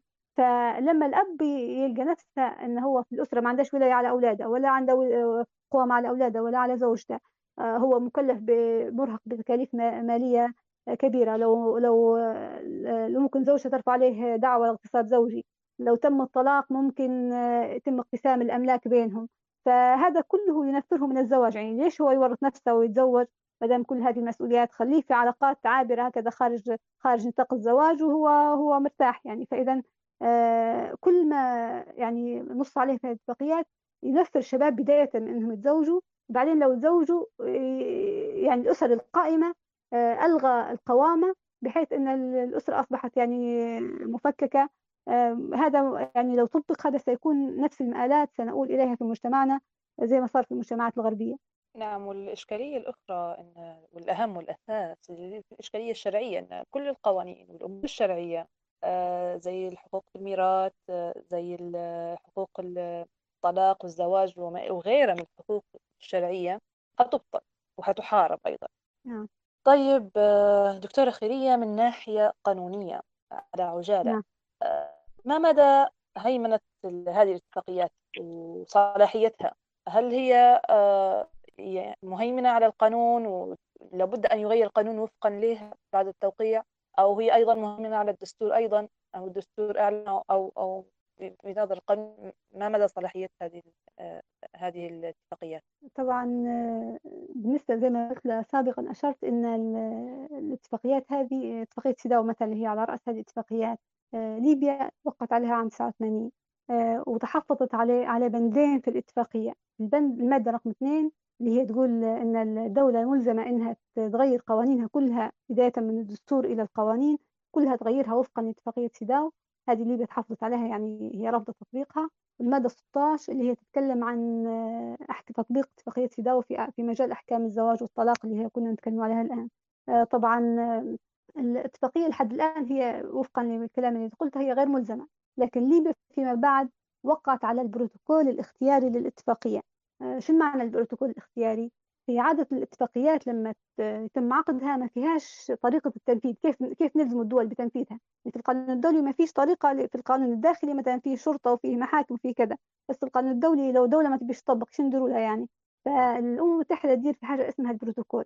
البروتوكول هدفه إما فيه مثلا قصور في نقطة معينة في الاتفاقية يتم ثغرة يتم سدها أو مثلا مسألة مش واضحة يتم تفسيرها أو إنها تضع آليات للتطبيق.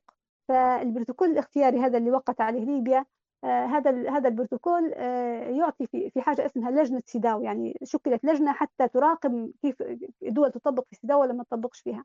هذا وفقا لهذا البروتوكول هذه اللجنة أعطوها مجموعة من الصلاحيات. من ضمنها ان إن الأفراد يقدروا يرفعوا دعوة طول قدام آه، لجنة المرأة هذه بدون ما يعني مثلا مواطن ليبي أو مواطنة ليبية آه، تمت مخالفة اتفاقية آه، سيداو في, في ليبيا. يقدر مثلا مثلا آه، مرأة أعطوها نصف ميراث أخوها مثلا تقدر ترفع دعوة أمام لجنة المرأة في اتفاقية سيداو تقول لهم هذا تمييز ضد المرأة بسبب الجنس. فالمواطنين يعني على طول يمشوا للجنة يرفعوا دعوة يطلعوا يعني مش مش الدول بس تقدر ترفع ترفع دعوة. فاللجنة هذه لما تجيها شكوى آه، من حقها إنها تخاطب الدولة وتقول لها يعني تقول لها يعني جيب لنا مبرر فسروا ليش هذا هذا التمييز. والدولة ملزمة إنها آه، اولا تأخذ إجراءات عاجلة بحيث تمنع هذا التمييز يعني إجراءات مؤقتة وبعدين ترد على على على هذه الشكوى وتبرر ليش يعني. آه بعدين اللجنة تقدر حتى تبعث مبعوثين بالنسبة لها عضو أو أعضاء يخشوا للدولة ويحققوا يعني شوف حتى في مساس بسيادة الدولة. آه يعني الدولة ملزمة وما تقدرش الدولة إنها تمنعهم. يعني بعدين الناس اللي رفعوا شكاوى من داخل الدولة رفعوها للجنة آه، أو يعني أو أي حد شهد مثلا ضد ال ضد ال ضد مثلا الدولة أو مثلا في جمعيات ترفع تقارير ضد الدولة واللجنة تقدر تسأل أي حد داخل الدولة تقول له جيب لي معلومات عن كذا وكذا يجيب لها. ففي نص البروتوكول إن هؤلاء محميين بالقانون مش من حق الدولة تمس بهم ولا تتخذ حقهم أي إجراء. فهم محميين. فالجمعيات هذه تقدر ترفع يعني ترفع تقارير للأمم المتحدة واللجنة بكل يعني وهي مطمئنة ان ما فيش ملاحقة. وهذا فعلا يصير الآن في كل دول العالم اللي موقعه على سيداو في فيه تقارير يسمونها تقارير الظلم هذه التقارير يعني هي كل دولة موقعة على سيداو لازم كل فترة تقدم تقرير تقول طبقت كذا وطبقت كذا من سيدا وتجيب تقرير. فهم باش يتأكدوا أنها فعلا طبقت يكلموا آه، جمعيات داخل الدولة جمعيات يعني أهلية كونها الناس مش حكومية تجيب لهم تقارير موازية. يعني بيتأكدوا فعلا هل فعلا الكلام اللي تقول فيه الدولة في تقريرها الرسمي فعلا صحيح ولا مش صحيح. وهذا الناس طبعا وفقا للبروتوكول محميين ما تقدرش الدولة تعاقبهم ولا تقول كيف يعني يمكن يتجسسوا حتى يعتبر تجسس على على الدولة. فهذا بالنسبة للبروتوكول. لكن طبعا يعني ممكن حد يقول لي إن مع هذا رغم إن الدولة ليبيا موقعة وفي دول كثيرة موقعة لكن اتفاقيه سيداو ما طبقتش لحد الآن يعني في ليبيا وفي كثير من الدول. آه، طبعا كما قلنا الأمم المتحدة تتخذ في سياسه النفس الطويل. يعني سنوات طويلة الآن سيداو موقعة من من 79 شوفوا الآن قاعدة صايرة ضجة وبشوي شوية يبدأ تطبيقها. فهي مثلا الآن أقحمت مجلس الأمن بالقرار 1325 وتخلي في الدول توقع على مذكرات تفاهم وتدير في خطط وطنية باش تطبقها بحيث يصبح ملزم ممكن مجلس الأمن يتدخل. يعني في نقطة يعني ثانية هي م... أيوة. نعم نعم نعم أكمل دكتورة. في نقطة ثانية ممكن حد يقول يعني ليبيا مثلا صح هي وقعت على سيداو ولكن هي بتحفظات تحافظ على بعض المواد. طبعا ال ال وفقا لاتفاقية سيداو المادة 28 تقول إن أي تحفظ يتنافى عن يتنافى مع مضمون الاتفاقية وجوهرها ليس له أي قيمة. يعني هي زي ما قلت في الأول إن الأمم المتحدة يعني كيف سياستها؟ إن في الأول تغري الدول بالتوقيع تقول هم وقعوا بس وأي حاجة ما تبوهاش تحافظوا عليها يعني. أي حاجة تتنافى مع دينكم أو مع قيمكم تحافظوا عليها ما فيش مشكلة. فالدول توقع وتتحفظ على بعض البنود. بعد سنوات يبدأ الضغط على الدول هذه يقولوا لها كيف تحفظات؟ هذا مخالف حقوق الإنسان ولازم تسحب التحفظات. وفعلا طبعا الدول نحن أغلبها دول ما عندهاش إرادة سياسية دول إما فيها حروب فيها صراعات الحكومات أصلا غير شرعية مش منتخبة فهي المهم يعني يخلوها تحكم مالهاش علاقة بالمجتمع إن شاء الله ينهار يعني. فهي بمجرد ضغوط سياسية أو اقتصادية عليها تبدأ في سحب التحفظات وهذا فعلا حصل في كثير من الدول الإسلامية. بدأت سحب التحفظات يعني مثلا بعض الدول الإسلامية الآن آه، كثير منها بدأت تغير في قوانين الأحوال الشخصية متعلقة بالزواج والطلاق. بحيث تتناسب مع سيداو يعني بعض الدول مثلا ألغت موضوع الولاية يعني أصبحت المرأة تقدر تتزوج حتى من غير من غير ولي يعني. معنا في مذهب يعني يجيز ذلك لكن يعني بشروط هو في الشريعة يعني.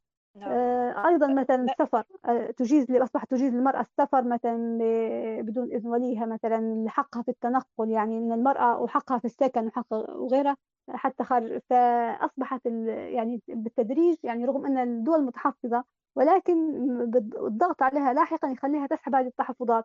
وبعدين حتى التحفظات موجودة هي وفقا لنصوص سيدا وهي التحفظات لما تكون على جوهر على جوهر الإتفاقية على مواد في صلب الإتفاقية هذه تعتبر ما لهاش أي قيمة يعني.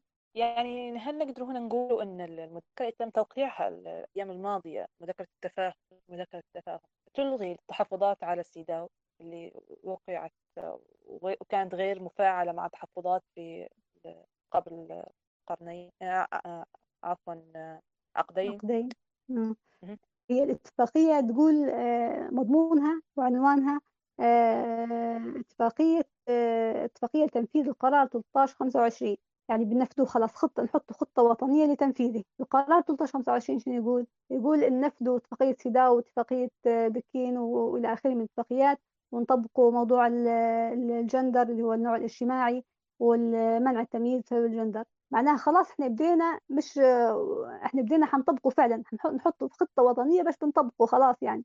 إحنا الآن خلاص تجاوزنا مرحلة التحفظات اللي هي نظرية موجودة لكن بدينا خلاص وزاراتنا تحط في خطط باش تطبق آه، آه، القرار 1325 اللي هو ينص على تطبيق اتفاقية سيداو واتفاقيه بكين وغيرها من الاتفاقيات اللي تدور في نفس الفلك يعني.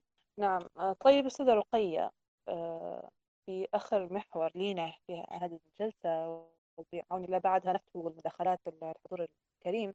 أستاذة رقية شن هي واجباتنا؟ أو يعني كمواطنة ليبية أو مواطن ليبي كمسلمة ابتداء شن هي الواجبات وشن هي الأمانة تجاه اللي صاير في هذا الموضوع؟ الواجبات هي تشملنا جميعا. أول واجب هو التوعية. ما دمنا نحن علمنا يجب أن نوصل الرسالة. آه، دكتورة حنان شلوف الله يمسيها بالخير. ديما تتكلم عليه التو... الوعي العنقودي. أو يعني كتوصلي أنا سمعت نعطي مثلا لخمسة أشخاص. الخمسة خمسة أشخاص كل واحد يعطي لي خمسة وهكذا. آه، إلى جانب التوعية أو المحاضرات اللي إن شاء الله بإذن الله ستنطلق إذا كان يسر الله. ومن خلال حتى منابر زي منبركم أنتم بارك الله فيكم.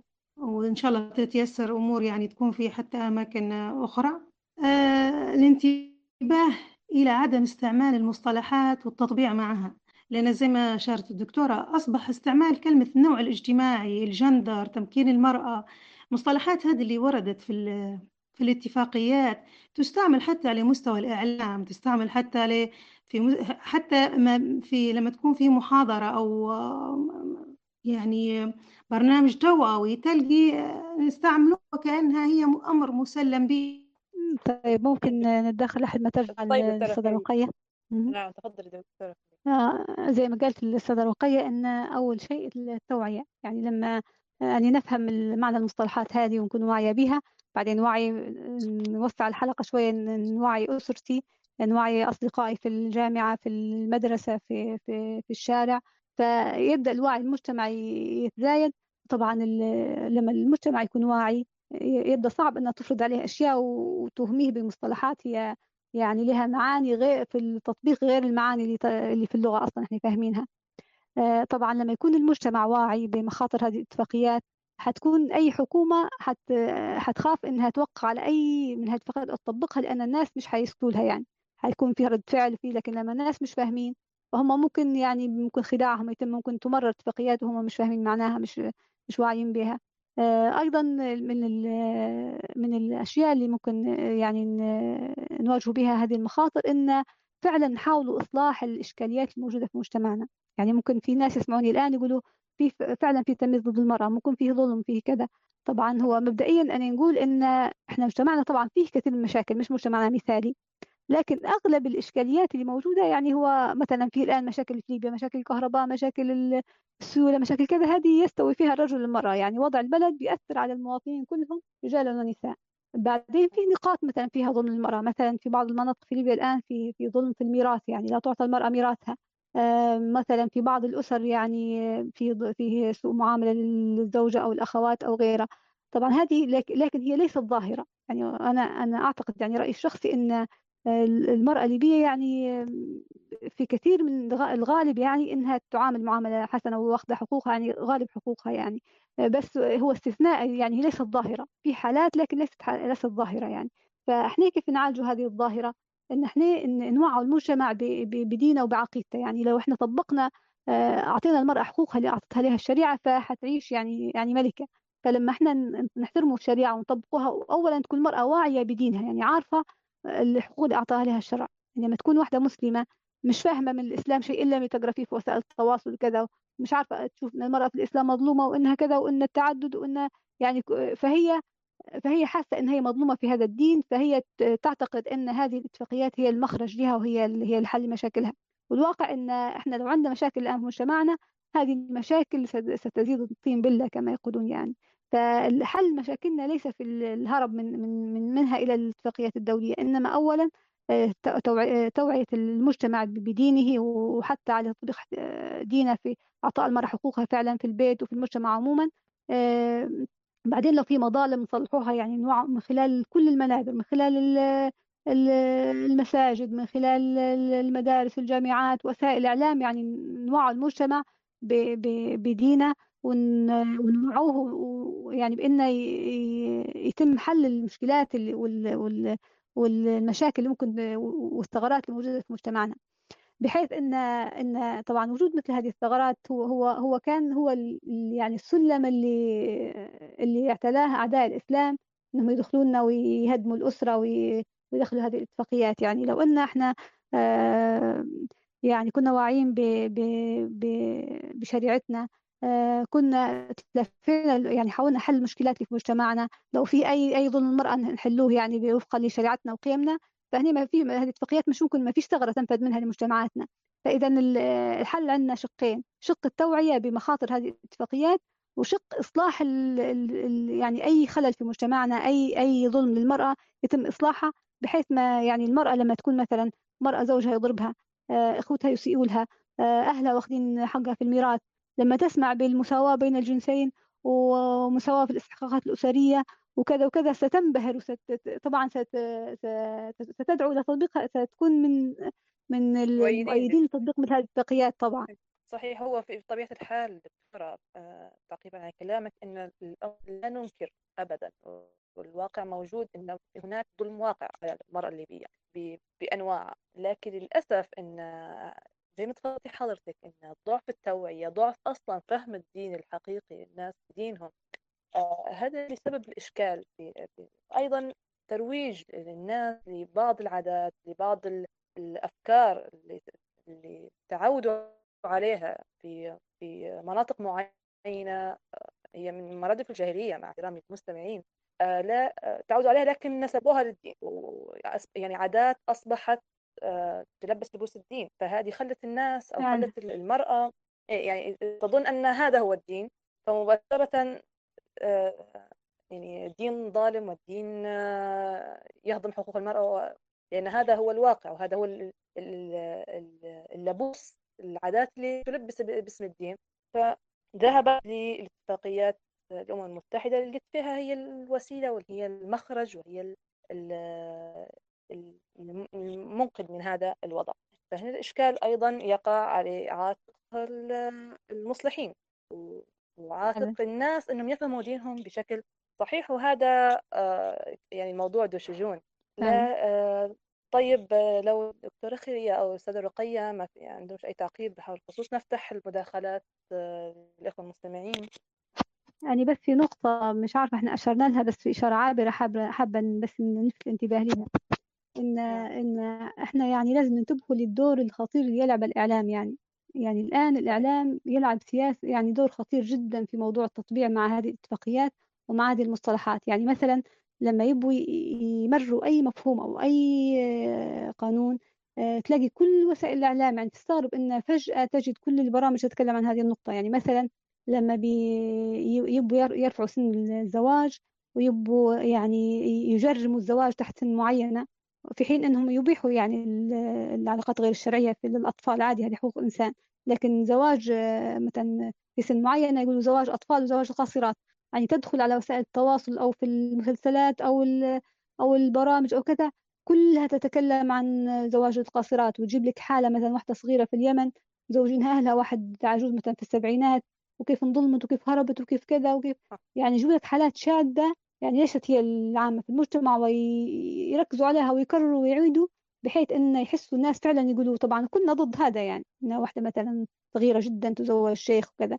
فهم يصوروا أن الزواج الصغير هو كل هذه الصورة في حين أن مثلا ممكن بنت عمرها 17 سنة تكون بالغة وعاقلة وهي يعني مثلا فيها ظروف ظروفها يعني الزواج أولى بالنسبة لها يعني في تقدم لها شخص مناسب مثلا في حالة حرب يعني أولى أن تشرد أو كذا تتزوج.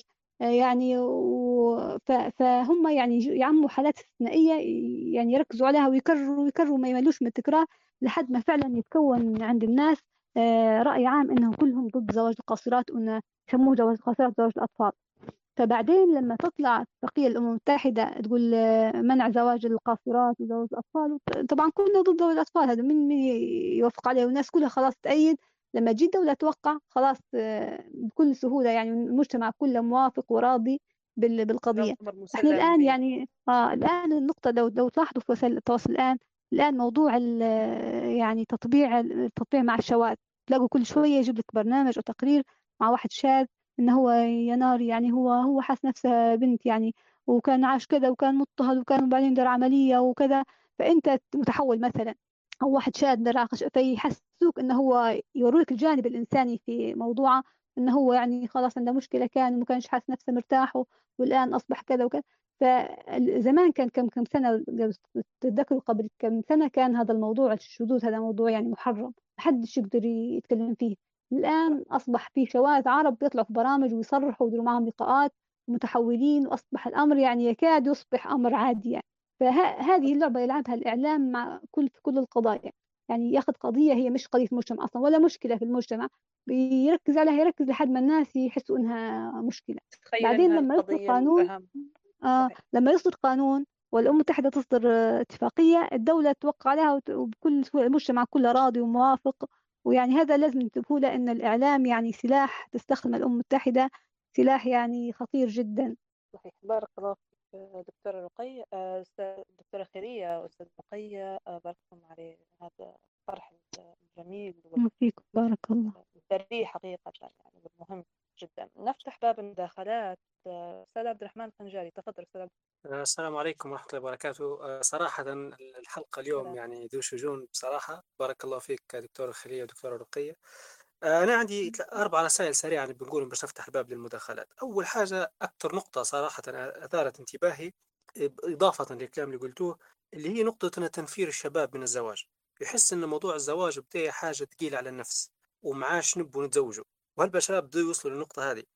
لكن شنو الأثر اللي بنوصل من وراه؟ أن إحنا في ليبيا بالذات بالذات نرانا نعانوا في كارثة يعني ما نبوش يعني نخوف الناس لكن إحنا رانا ماشيين في خطوات إنه عندنا تهديد ديموغرافي تهديد وجودي لبقاء الليبيين على الأرض الليبيه عددنا شو شوية بلاد كبيرة نسبة الزواج تقل نسبة المواليد أقل. إحنا لازم مفروض نديروا حملة تسريع للزواج نشجع أكبر عدد من يعني حتى القرار الأخير نتاع تشجيع الزواج وغيرها رغم تحفظاتي على بعض يعني آلية نتاعها بس نوعا ما الفكرة كانت كويسة. المفروض نشجعوا حاجات زي هذه. وهذه طبعا توعية وغيرها. هذه الرسالة الأولى إن إحنا راهو كل اللي صار تو موضوع المساواة للمرأة وسيداو وغيرها وكل شيء التنفير من الزواج هو واحد من الثمرات السيئة من الموضوع نفسه. النقطة الثانية كوني أنا إنسان عايش تو في بريطانيا ودولة شبه نقول الاتفاقيات اللي تحكوا عليها already مطبقة هنا والبلاد والناس عايشينها. للأسف يعني يعني كوارث صايرة. زي النقطة اللي قالتها الدكتوره خيرية موضوع ان الطفل يقدر يحدد الجنس نتاعه أو الجندر نتاعه هذا موجود وخاصة في اسكتلندا بدأ خلاص ينفذ. إن الطفل ممكن أو عمره أربع سنين أو خمس سنين يقول أنا نبي أنا ولد نبي نولي بنت أو بنت ولي ولد والأب ما يقدرش يعارض الشيء هذا. فهذه إشكالية كبيرة. شنو صاير؟ إن هنا في مسلمين عايشين في بريطانيا وفي ناس أسلمت يعني ناس بريطانيين أو ناس أجانب وكل شيء أسلموا دخلوا الإسلام عن اقتناع علاش؟ لأنهم متليعين متليعين من الكوارث اللي صايرة في حق المرأة والطفل وغيرها والانتكاس عن الفطرة. ففي يهدرزوا بينهم بين بعض يقول كان يبوا نهاجروا يبوا نطلعوا من بريطانيا يبوا نطلعوا من أوروبا. يدوروا في بلاد إسلامية تطبق في الشريعة يبوا يمشوا لها. يعني شوفوا إحنا تو الشباب اللي في ليبيا ولا في غيرها يقول كان نقدر نطلع من ليبيا يمشي برا. الناس اللي برا تقول لك نبغى نطلعوا من غادي نبغى ندوروا بلاد نعيشوا فيها بكرامتنا بالفطرة اللي ربي أودعها فينا إحنا. فإحنا ليبيا للأسف تو إحنا يعني إحنا عندنا عندنا قدرة تو الحمد لله. نقدر نصلحوا الوضع ونمكنوا شريعة ربنا تحكم في ليبيا بوضعنا الطبيعي. مش حنولوا إحنا زي ما قلنا بنولوا أفغانستان تو ولا بنولوا حاجة ثانية لا. بنمطنا الإسلام الوسطي نعرفوه إنه يتم يعني إن يعني كيف بنقول إحنا الشرع ربي يطبق بالشكل المثالي إن إحنا ما فيش حاجة تنجبر علينا جبر. لأن النقطة اللي قالتها إن مجلس الأمن توا بيتدخل مثلا في تنفيذ الأوامر هذه. قبل الأمم المتحدة فقط زي الجانب الاستشاري ديروا باي ما كنتش مديرين باي لكن اونت دو في اتفاقية يعني ما فيش إلزام كبير إلا لو ليبيا عاد وقعت. النقطة الثالثة الرسالة السريعة اللي بنقولها الأمم المتحدة ما هياش إله ما هياش رب ما هياش يعني في الأخير الناس بعض الناس يحس ان المتحده كأنها حاجة لا يمكن لا يمكن مثلا إحنا نوقف ضدها ولا إن إحنا نقولوا لا ما ناش واخدين بآرائك ولا نحن مش مطبقين قوانينك ولا أنت مالكش سلطة علينا. إيه فعلا هم لهم السلطه علينا لو إحنا فعلا يعني مؤمنين بالله وإن إحنا يعني سيادتنا إحنا ناخذوها بيدنا. وهذا يقودنا لنقطة الأخيرة بكرة بنتكلم عليها اللي هو موضوع الدستور. وهذا الرسالة اللي بشكل شخصي يعني بادي نتكلم فيها اليوم أكثر من سنة. الدستور لا المادة رقم ستة منه يعني حاليا الدستور مكتوب يقول الشريعة الإسلامية مصدر التشريع. ولو يعني الليبيين لو اتفقوا على النقطه هذه أي اتفاقيات أي حاجات بتحاول تتسلل حيكون هذا حائط صد لها إن الشريعة الإسلامية هي مصدر التشريع. ما عادش تقدروا أنتم تلعبوا لأن هو القانون الدستور هو قانون القوانين. هو القانون الأساسي. يعني ما تقدرش حاجة بتجي تخالف الموضوع هذا لأن الشعب فات فيه قرر إن هذا هو اللي بيحكمنا. فهذه الرسائل اللي حبيت نقولهم والأخيرة بكل اللي هي دعوة لكل الراديوات. أنا أعت... الحمد لله يعني الحلقة هذه في جاني أكثر من طلب إنه بيحاولوا يبثوها في الراديو. في ناس يعني حتى على Clubhouse تو حاليا يبثوا فيها live وغيرها. ف يعني صراحة انشروا الموضوع بشكل كبير. بارك الله فيكم. سامحونا على الإطالة. الكلمة معك سي آه بارك الله فيك أستاذ عبد الرحمن. آه تعقيبات آه فعلا يعني قصة مهمة جدا بارك الله فيك. آه أرجو من أراد المداخلة يرف... آه، يقوم برفع أيدي حتى طيب أسيل ممكن تعطيني لحظة بس إن عندي تعقيب على تعقيب آه، عبد الرحمن؟ طيب. طيب. هو موضوع بارك الله فيه كلها نقاط جوهرية يعني يتكلم فيها. هو بيتكلم عن الأكد على نقطة إن يعني تنفير الشباب من من الزواج. فعلا يعني إحنا الآن بس هو ذكرني بنقطة. إن إحنا الآن يعني الإعلام كيف أثر فينا؟ بدينا نتكلم يعني الناس تقول آه، يعني مكافحة تزويج مثلا القاصرات وتزويج الأطفال وكذا وبالعكس إحنا في ليبيا مشكلتنا ما عندناش مشكلة زواج آه، صغيرات. إحنا في ليبيا عندنا آه، تأخر سن الزواج يعني. يعني الآن الشباب والشابات الليبيين أصبحوا حتى في اللي يتزوجوا في سن الأربعين. فإحنا يعني يعني شوفي كيف الاتفاقيات والإعلام يخلي الناس تغيبها بحيث إنها يعني تتبنى مشاكل هي ليست قائمة في المجتمع أصلا. يعني إحنا في المجتمع الليبي وكلكم عايشين في المجتمع وعارفين إن مشكلتنا ليست مشكلة زواج آه، صغيرات أو صغار سن. إحنا مشكلتنا الأساسية الظاهرة اللي عندنا تأخر سن الزواج وليس زواج الصغيرات أو زواج الأطفال يعني. لو سمحتي عندي إضافة بسيطة على كلامك هذا اللي قلتيه. تفكرت مرة في بوست لقيته يعني يعني في الإنجليزي يعني بريطانيين يتكلموا. واحدة منزله زي التعليق كل واحدة تكتب أنا أول طفل ولد عندها هي قداش كان عمرها. فبس أنا قعدت ننزل نقرأ في التعليقات شنو كاتبين يعني موردات واللي كاتبين. اللي كاتبة 12 اللي كاتبة 13 اللي كاتبة 14 سنة عمرها كانت هذاك الوقت. اللي يعني يعني من 12 والاركب فوق. طيب وين القوانين؟ وين كذا؟ هم بهيك عايشين هم. هم بيديروا قوانين على دول تانية وهم في بلادهم. عادي. طبعا هم هنا ما عندهم هم هم أيوة. هذا خارج نطاق الزواج عادي عندهم في الاتفاقية الدولية يعني مش جريمة. لكن لو هي متزوجة يعني في السن هذه يعتبروه زواج أطفال. لكن لو هي أطفال هذو خارج الزواج فهذا عادي من حقوق إنسان يعني. الخلاصة أنهم أعدادهم تزيد وإحنا أعدادنا تنقص هذه الزبدة بس. بارك الله فيكم أم همام تفضلي أم همام أوكي مرحبا أهلا وسهلا بكم. طبعا إحنا مشتغلين 2015 دكتورة خيرية. فوزية شويقي تذكري فيها ولا؟ أستاذة رقية. إحنا الشغل هذا تقريبا اشتغلنا شبيه به في 2015 وقتها أهلا وسهلا بحضرتك أهلا بك. الشغل هذا اشتغلناه لما طلعت أول وثيقة كانت تذكري حضرتك هي وثيقة دور المرأة الليبية في بناء آه، السلام آه، وتعزيز آه، السلام تعزيز دور المرأة الليبية في بناء السلام والسلم الاجتماعي. طبعا هذه الوثيقة كانت تذكر أيامات المجموعة اللي مشوا لجنيف وقتها كان برلندينو ليون هو اللي كان متكفل بالمجموعة هذه. كانت فيها طبعا مجموعة من الأهداف الاستراتيجية. من ضمن الأهداف الاستراتيجية كان موضوع العنف ضد المرأة والمشاركة السياسية اللي تو مطلوبة موضوع الكوتا وما إلى ذلك. وكان في جزئية إشراك المرأة في الخطة الأمنية في الجانب الأمني. طبعا إحنا لما جينا نبو نبدو زي تو صارتنا لقطة الصدمة هي وبدينا نتجاروا نقروا في الاتفاقية لقينا فيها حدوتة طويلة الاتفاقية هذه من داروها داروها مجموعة من النساء. طبعا الأمم المتحدة لما بتخش لدولة ما حتخش لها من أهلها. فكانت الأمم المتحدة من 2011 يعني انتشارها أوسع شوية فكانت تجمع في فريق معين. الفريق هذا كان فيه مواصفات غريبة شوية.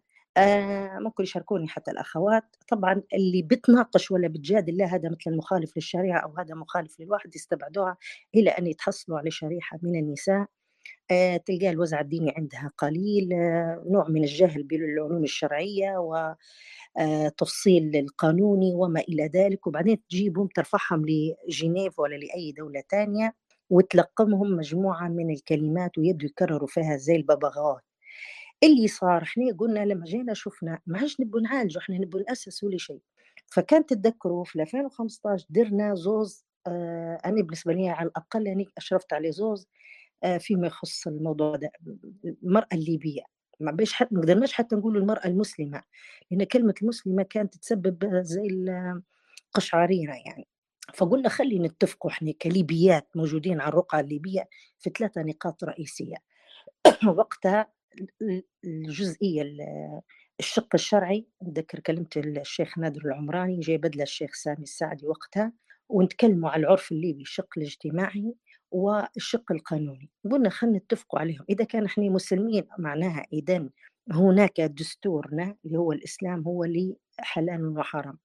الشق القانوني اللي هو في حاجات القوانين تبيحها لنا كمسلمين ويحفظون القانون أو الشق العرف. حتى ناس الجاهلين كانوا ماشيين بالعرف. وعلى أساس درنا الندوتين هادو أو مؤتمرين. والدكتورة خيرية وقتها قررت أن إحنا نأسسونا وبناء بناء على هذه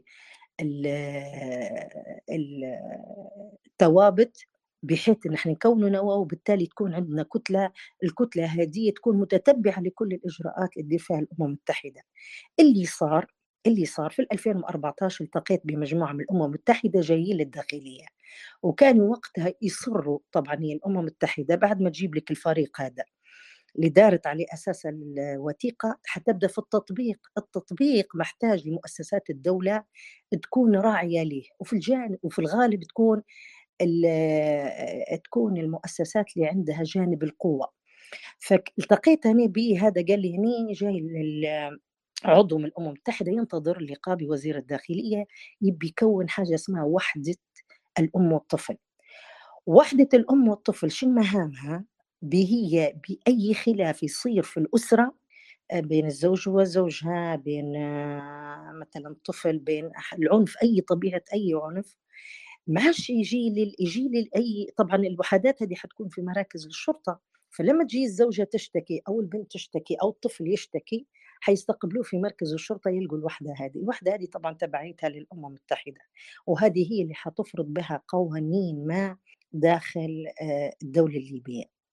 إحنا لما جينا قعدنا نبو ناسسوا لما جينا نبو نلملموا الحدوته هذه لقينا ليبيا موقعة من 89 مشينا للجانب القانوني ومشينا تكلمنا مع دكاترة في فيما يخص الجانب القانوني يعني ليبيا وين واصلة.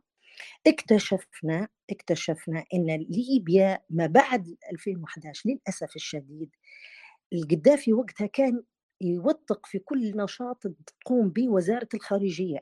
لقينا إن وزارة الخارجية آه، تعمل في آه، اتفاقيات وتوقع وما تجيبش ما تجيش تكتب في التقارير هم علشان يوقعوا.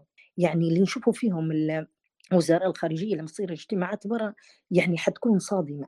يعني لدرجة إن قالوا لي لو إحنا نقدروا نعرفوا قلنا على الأقل آه، أساتذة في علم القانون قالوا إحنا نجيبوا مجموعة من الطلبة مثلا تاع ماستر أو دكتوراه ونبدو ننقحوا في الاتفاقيات هذه ونديروا عليها الرد القانوني.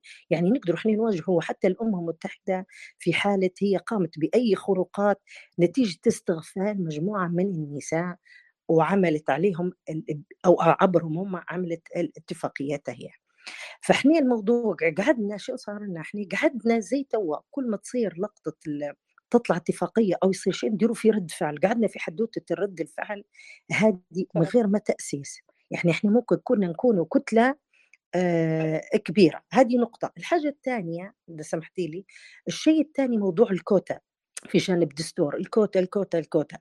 تفاجأنا أن الكوتا في الدول الأوروبية الدول التي تحتوي على الكوتا النساء لم ينفعنا المرأة يعني ما استفادوش منهم. بعكس الدول الثانية اللي ما كانش فيها موضوع الكوتا أو كانت يمثل يمثل المرأة مثلا أي عضو مثلا في البرلمان كانوا مستفيدين أكثر فإحنا جزئية الجهل جهل بموضوع الاتفاقيات هو هذا محتاج لشغل عليه من الأساس من أساس من المدارس وما أعلى شوية وفما فوق. فأني حبيت هني هني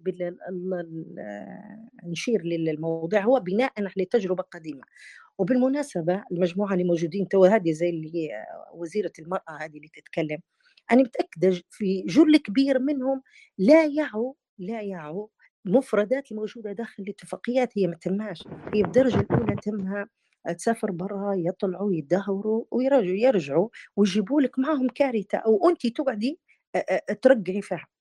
ف يعني هذا بس اللي مش حنطول يعني وأنا طولت. فعذرا يعني وسعيدة بالمشاركة. بارك الله فيك. بارك الله فيك أم همام. أنا الاتفاق الوثيقة هذه عندي. بتاع 2015 واشتغلنا عليها آه. موجودة وأنا حابة نكون إحنا متتبعين. يعني يؤسس يحبذ يتم تأسيس جسم الجسم هذا آه، يكون آه، جسم يعني نشتغل مع بعضنا حتى مع الدول العربية اللي تعاني في نفس المعاناة. صحيح.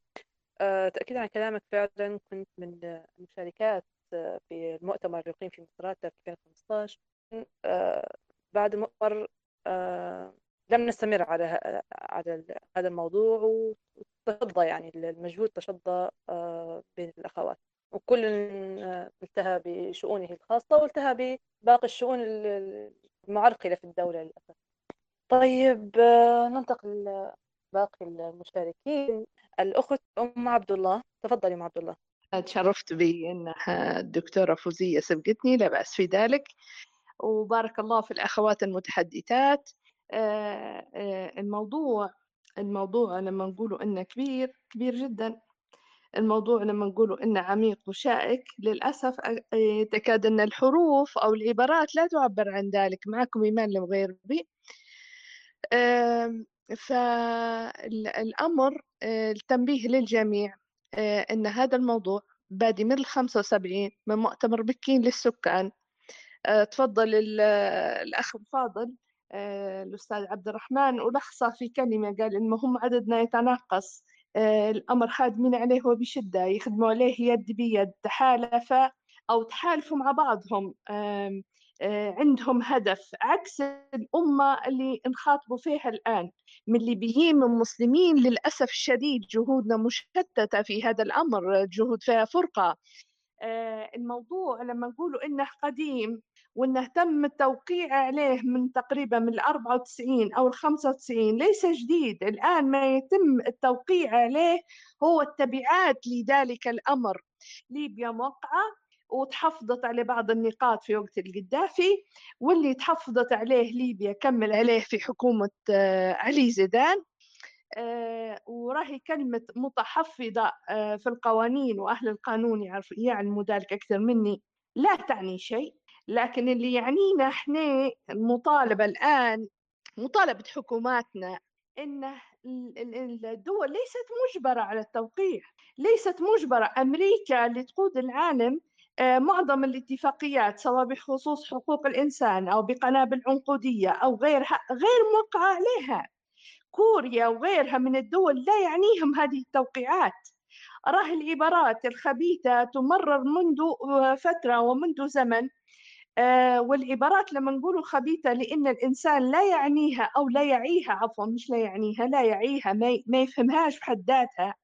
لما إحنا نقولوا على الجندر ومعنى هالجندر الخبيث اللي هو أصلا فكرة طالعة لي وحدة في ال 45 والآن بتفوتها لكوكب الأرض سبحان الله آه لما نقولوا إن مؤسسة وجمعية الجندر السويسرية آه كانت أحد الاذرع الشديدة ذات السطوة ودارت ورشة عمل في المهاري هنا في طرابلس ونشرت إعلاناتها أثناء انتخاباتنا في هيئة صياغة الدستور. هذا أمر أني كنت حاضرته وشاهد عليه.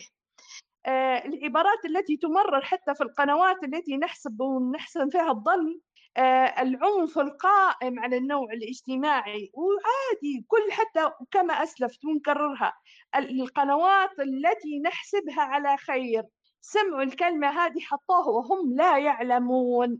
الله عز وجل خلقنا من ذكر وأنثى وخلق الكائن البشري والنوع البشري القائم على الذكر والأنثى. هم قالوا لنا لا النوع القائم على النوع الاجتماعي لأنه كما قد يعني العبارة اللي يكاد الجميع يحفظها. إن لا أنا ممكن ذكر من تحول أنثى وغيرها من هالمسميات. أصبحت حقوق أصبحت عبارات تغلف لأن في آخر الزمان اللي قال عليه رسول الله صلى الله عليه وسلم تسمى الأشياء بغير مسمياتها لكن هي نفسها. أصبح في أم بيولوجية وأصبح في أم حاضنة وأصبح في متحول وأصبحت مراحل التحول ومراحل العبور الآن يسموا فيها. وتبت ليل نهار للأسف ولكن صوت الحق قليل عندما نجد المنفذ اللي يقول لك آه، آه، وعوا. يقول لك يا أهل المشايخ أو الدعاء وعوا. أعطيني وسيلة للتوعية. أعطيني وسيلة لإيصال صوت الحق. هنا راهي سبحان الله تضافرت الجهود. فعلا إظهار الصورة الأخرى صورة أن الإنسان عنده حقوقي صورة موجة عالمية ينادوا بها فتنادي بها ليبيا. من ضمن اللي ينادوا الأستاذ اللي أسلفت على مثال أن زواج القاصرات هذا من تقريبا بح الصوت وأنا نقول لهم يا ناس سبحان الله العظيم في ليبيا عندنا مشكلة تأخر زواج ما عندناش قاصرات. إذا راه الموضوع كبير. الموضوع شائك الموضوع يخدموا عليه على قدم وساق تغيير في المناهج في مناهج التعليم عندنا في منهج في ثالث اعداد تقريبا في مادة العلوم. معظم الأستاذات ما يقدروش يعطوه على يعني هو على التناسل وغيره. وعلى آه، وعلى إنه في ولادة أو شيء مرة والله يحكوه لي الأستاذات تخجل إنها تعطيه لإنها أمام البنين أو أمام البنات أو في الفصول المشتركة. آه، سبحان الله راه الموضوع قديم. الموضوع لا تظنوا إن ليبيا الآن كيف وقعت. لا ليبيا موقعة ومنذ زمن منذ زمن. فالأمر يحتاج إلى إلى استعداد. الاستعداد لتتابع اللي عفوا لعل مثال معلش يسامحوني البعض يظنه إنه بعيد. الاحتفال أو الحفلة أو حفلة المجون اللي صارت المدة الماضية في بوسليم والناس متأثرين وكيف اختلاط وكيف هذا وين أم أهاليهم ولا هالصوره لا هذه صورة من الصور هذه نتاج. نتاج لكثرة القرع وكثرة غرس البدار. لأن اللي مرضيناش في سنين الآن نتاجه طلع أكل مال الحرام وغيرها والتربية والاتفاقيات وحريتي وأنا حرة وحقوق وحقوق ومعاملة المرأة كأنها في جزيرة نساء راه الموضوع ضخم جدا جدا. الصحة الإنجابية اللي يقصدوا بها عدة أبواب عميقة جدا جدا وما يحكوش في الحقيقة في هذا الأمر. راهو الموضوع كبير جدا جدا موضوع عميق موضوع يحتاج إلى تدارك تدارك ما يمكن تداركه قبل أن تكون النتائج كارثية. آه، سعوا على موضوع الزواج تعسير الزواج على الشباب وأصبح الحلال ضيق والحرام مباح آه، لأهداف. آه، عندنا راهو بدار الخير اللي ما زالت في النفوس. والله نجد حتى أنه الشاب هنا كمثال سريع قبل أن ينقضي الوقت. نجد أنه شاب قد يكون بسيط بل قد يتعاطى بعض المحرمات. تسألوه شنو أمنيته وقد لا يكون حتى مصلي. يقولك والله نبغى نديروا نفتحوا بيت. شو معناه يفتح بيت زواج؟ لأن بذرة الخير لا زالت في القلوب. فعلينا أن نتدارك هذه البذرة لأن الهدف القضاء على الأسرة. الهدف ليس على التشريع لا هو الهدف القضاء على الشريعة أصلا برمتها. بكل ما تعني لنا هم مش حيقولوا إحنا نحاربوا في الإسلام. لا لا هم عندنا نقاط بس عندنا نقاط تتعارض مع حقوق الإنسان عندنا نقاط تتعارض مع تمكين المرأة. هو هنا تغليف العبارات حتى الوصول إلى الأهداف المسمومة التي يسعوا إليها وهم يسيرون بخطى. يا ريتنا والله وإحنا نقلدوا في الغرب أو مجتمعنا اللي الآن يبغوا يقلدوا الغرب بكل شيء يا ريتنا نقلدوهم في خطوات الثبات وحطانهم الخطط التي يسيرون إليها حديثة نسأل الله أن يخيب مسعاهم وأن ينير ويعين أهل الحق على التنوير وعلى تبصرة المجتمع لأن الشر للأسف يعم ولا يخص. معذرة على الإطالة من أعماق القلب. نتمنى لكم التوفيق والسداد. تقبلوا تحياتي لكل المشاركين والمستمعين. جزاكم الله خير والسلام عليكم إيمان البغير وعليكم السلام ورحمة الله وبركاته. بارك الله فيك شيخ أيمان. فعلا ما تطرقت إليه فعلا تججون ومحتاج لتضافر الجهود حقيقة الأخت تقوى الصديق تفضلي. بارك الله في الدكتورة خيرية والأستاذة رقية وبارك الله فيك أسير على هذه الحوارية المهمة. آه، في الحقيقة في الحقيقة عندي آه، مداخلة. آه، تفضل أتساءل حول الطبيعة القانونية لهذه الاتفاقية وتكييفها القانوني. فمن الناحية القانونية فالقانون الدولي نص على ضرورة عدم مخالفة الاتفاقيات والمعاهدات للقانون الداخلي للدولة ويشترط فيها أيضا الرجوع إلى السلطة التشريعية. فهنا وقفة لفهم مدى تطبيق القانون على هذه الواقعة. فنحن في ليبيا نص الإعلان الدستوري المادة 3 على أن الإسلام دين الدولة والشريعة الإسلامية أصل التشريع. وهذه الاتفاقية أقصد اتفاقية سيداو تعتبر مخالفة صراحة لقانوننا الداخلي والتصديق على هكذا اتفاقية يعتبر تصديقا ناقصا. وتعتبر القيمة القانونية لهذه الاتفاقية باطلة ما دامت قد تمت بشكل مخالف للقانون الداخلي. وهذا آه، من اعتبار آخر آه، آه، على ما نصت به اتفاقية فيينا لقانون المعاهدات. المادة 46 على أن الدولة الدولة التي صدقت. هذا بس من نص المادة. أن الدولة التي صدقت على معاهدة بالمخالفة لقانونها الداخلي لا يجوز لها أن تتمسك بإبطال المعاهدة إلا في حالة واحدة وذكرت الحالة هي شنو؟ حالة الإخلال الواضح بقاعدة ذات أهمية جوهرية من قواعد قانونها الداخلي. آه نعم آه سؤالك طيب تقوى؟ السؤال فهل للدولة التنصل من هذه الاتفاقية وأن تتمسك بإبطالها باعتبارها مخالفة لقاعدة دستورية جوهرية وهي آه، كما أسلفنا ذكرها الإسلام دين الدولة والشريعة الإسلامية أصل التشريع. آه، ففضلا أطلب من الدكتورة خيرية التعقيب والتوضيح عن الموضوع أكثر. آه، بارك الله فيكم على حسن شكرا لك تقوى تفضل دكتورة خيرية. نعم طبعا بالنسبة للبنود الاتفاقية هي كما قلنا أن الأمم المتحدة عادة تستعمل مصطلحات مطاطة معناها الظاهري غير معناها اللي يعني توسعها بحيث تشمل معاني يعني غير ما يبدو في المصطلح. فيعني هكذا الظاهريا تبدو كأنها لا تخالف الشريعة ولا تخالف القوانين الليبية وكذا. بس هي بالنسبة للاتفاقيات الدولية عموما اتفاقية سوداو نفسها في في نص من نصوصها يجيز للدولة أنها أنها تنسحب من الاتفاقية. يعني حتى أي حتى وإن يعني الدولة وقعت عليها وصادقت ولكن من حقها أنها تنسحب. طيب لماذا لا تنسحب الدولة؟ موضوع الانسحاب هو هي طبعا في القانون والسياسة وكلها أمور متداخلة يعني.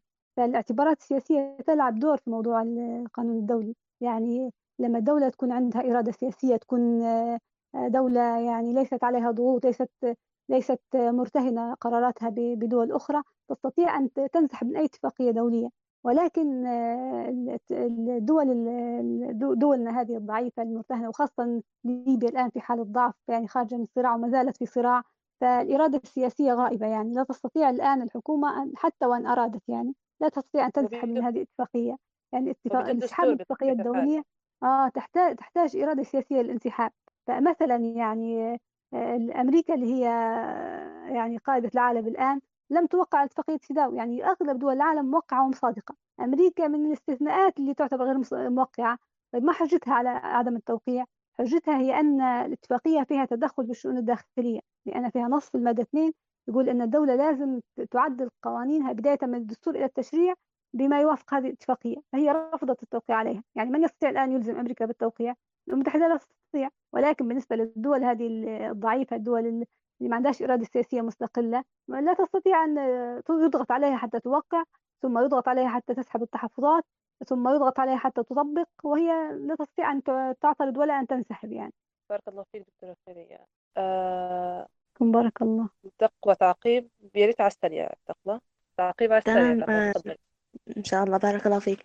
آه بالنسبة كما قالت الدكتورة خير الإرادة السياسية. طيب آه، أليس تدخل شؤون الدولة الداخلية؟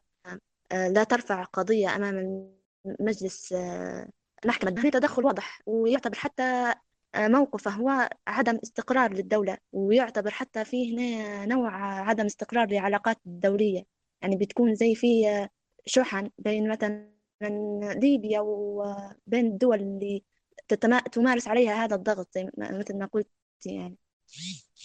فهذا التعقيب لو يعني إلى من ترفع إلى من ترفع الدعوة يعني وأنت الخصم والحكم يعني.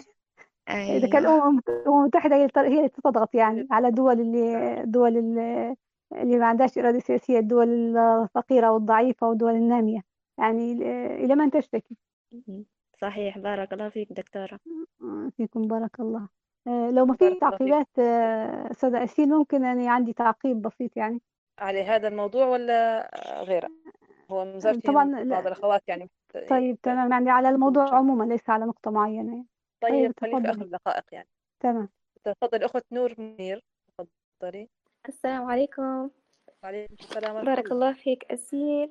آه وشكرا للدكتورة خيرية والأستاذة رقية على هذه الجلسة واستقطاع من وقتهم الثمين. والله يعني حقيقة المواضيع هل نوهتوا عليها مهمة؟ وأكيد الجميع يعني استفاد من النقاط اللي تم التحدث بها. آه، أولهم أنا في نقاط يعني ما كانتش واضحة وهيك فكانت شافية عندكم. بارك الله فيكم. في هي مجرد تعقيبات بسيطة ومجرد خواطر من خلال الجلسة هذه طلعت معاي وفي سؤال في النهاية. حنحاول على السريع السريع هيك نقولها. أول شيء يعني زي ما نقول رب ضارة نافعة رغم أن الشيء هذا اللي صاير كبير هلبة يعني وصار عليه ضجة كبيرة إلا أن آه، لاحظت يعني من خلال المجتمع المحيط اللي حواليا إن في فئات بنات مثلا نعرفهم وهيك كانوا ما عندهم يتبعوا فكرة النسوية تتبعا يعني مجرد تتبع ما عندهمش الدرايه الكافيه عليها ما يعرفوش مساوئها أو إيجابياتها بشكل كبير. هيك مجرد انها هي موضة تمام؟ فاللي صار توا ورد الفعل هذا الكبير والضجة هذه اللي صارت وكيف إن في ناس بدات تتوعي في الأمر بالأمر هذا وتوري المخاطر الكبيرة آه، في الموضوع هذا فصار آه، زي يعني وعي عندهم بإن النسوية مش الشيء الجميل اللي كان هم في بالهم أو الموضة هذه المتبعة عندهم يعني في آه، يعني في مجتمعهم ومحيطهم وتفكيرهم وكذا. فهذه رب ضارة نافعة. والنظر للجانب الإيجابي إن إحنا رغم كل شيء ما زال عندنا فرصة إن إحنا نغير الواقع الحالي أو الشيء هذا اللي صاير. يعني أبسطها من الجلسات هذه آه، توعية عن طريق منشورات على الفيسبوك في الإذاعة المسموعة أو الإذاعة المرئية. فما زال إحنا قاعدين أي نعم إحنا في خط آه، خطير شوية لكن ما زال عندنا قدرة إحنا ندافع عن الشيء آه، يلي نمر فيه حاليا وهذا الهجوم الكبير اللي صاير. آه، في نقطة ثانية مهمة اللي هي زي ما سبق ونوهتوا عليها موضوع المدخلات اللي صايرة في تقريبا في كل مكان حوالينا في ال social media على أرض الواقع في المدارس آه، في علاقاتنا الاجتماعية كل شيء حوالينا. مدخلات آه، سواء تدخل بفكرة بوعي أو لا وعي الجانب هذا وترتك يعني تعطي تركيز كبير على موضوع النسوية سواء بشكل يعني إرادي أو لا إرادي.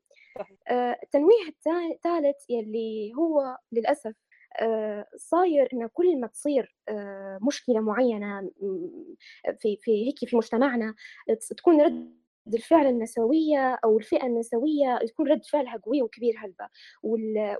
ويكونوا هذو الشخصيات مثلا آه، معروفين في المجتمع. وهلبة يشوفوا فيهم كقدوة فهذه هي المشكلة أن الكفة مش متوازنة هلبة كفة يعني كفة الناس اللي تتبع في النسوية سواء بشكل مباشر أو غير مباشر أو بدراية أو غير دراية لأن في ناس مش معلنة تتبعها وتوجهها النسوي لكن تؤمن بتمكين المرأة وحرية المرأة والمساواة كذا لكن لا تذكر بأنها هي مؤمنة بموضوع النسوية بشكل تصريحي يعني تصريحي واضح.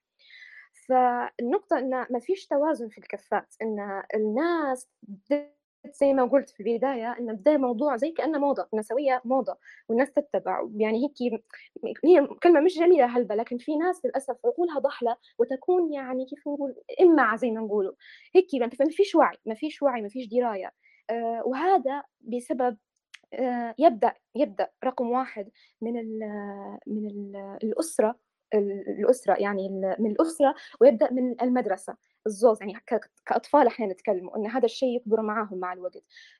كيف من الجانب الديني والتأصيل الشرعي والوعي الديني يبدأ من المؤسسة الأسرية ويبدأ من المدرسة. فكان هادو الزغز المؤسستين الكبار هادو يلي يكبر الطفل من خلالهم ويوعى من خلالهم وأغلب وقتها في نلقوها تنتقص أو ناقص فيها الشيء هذا.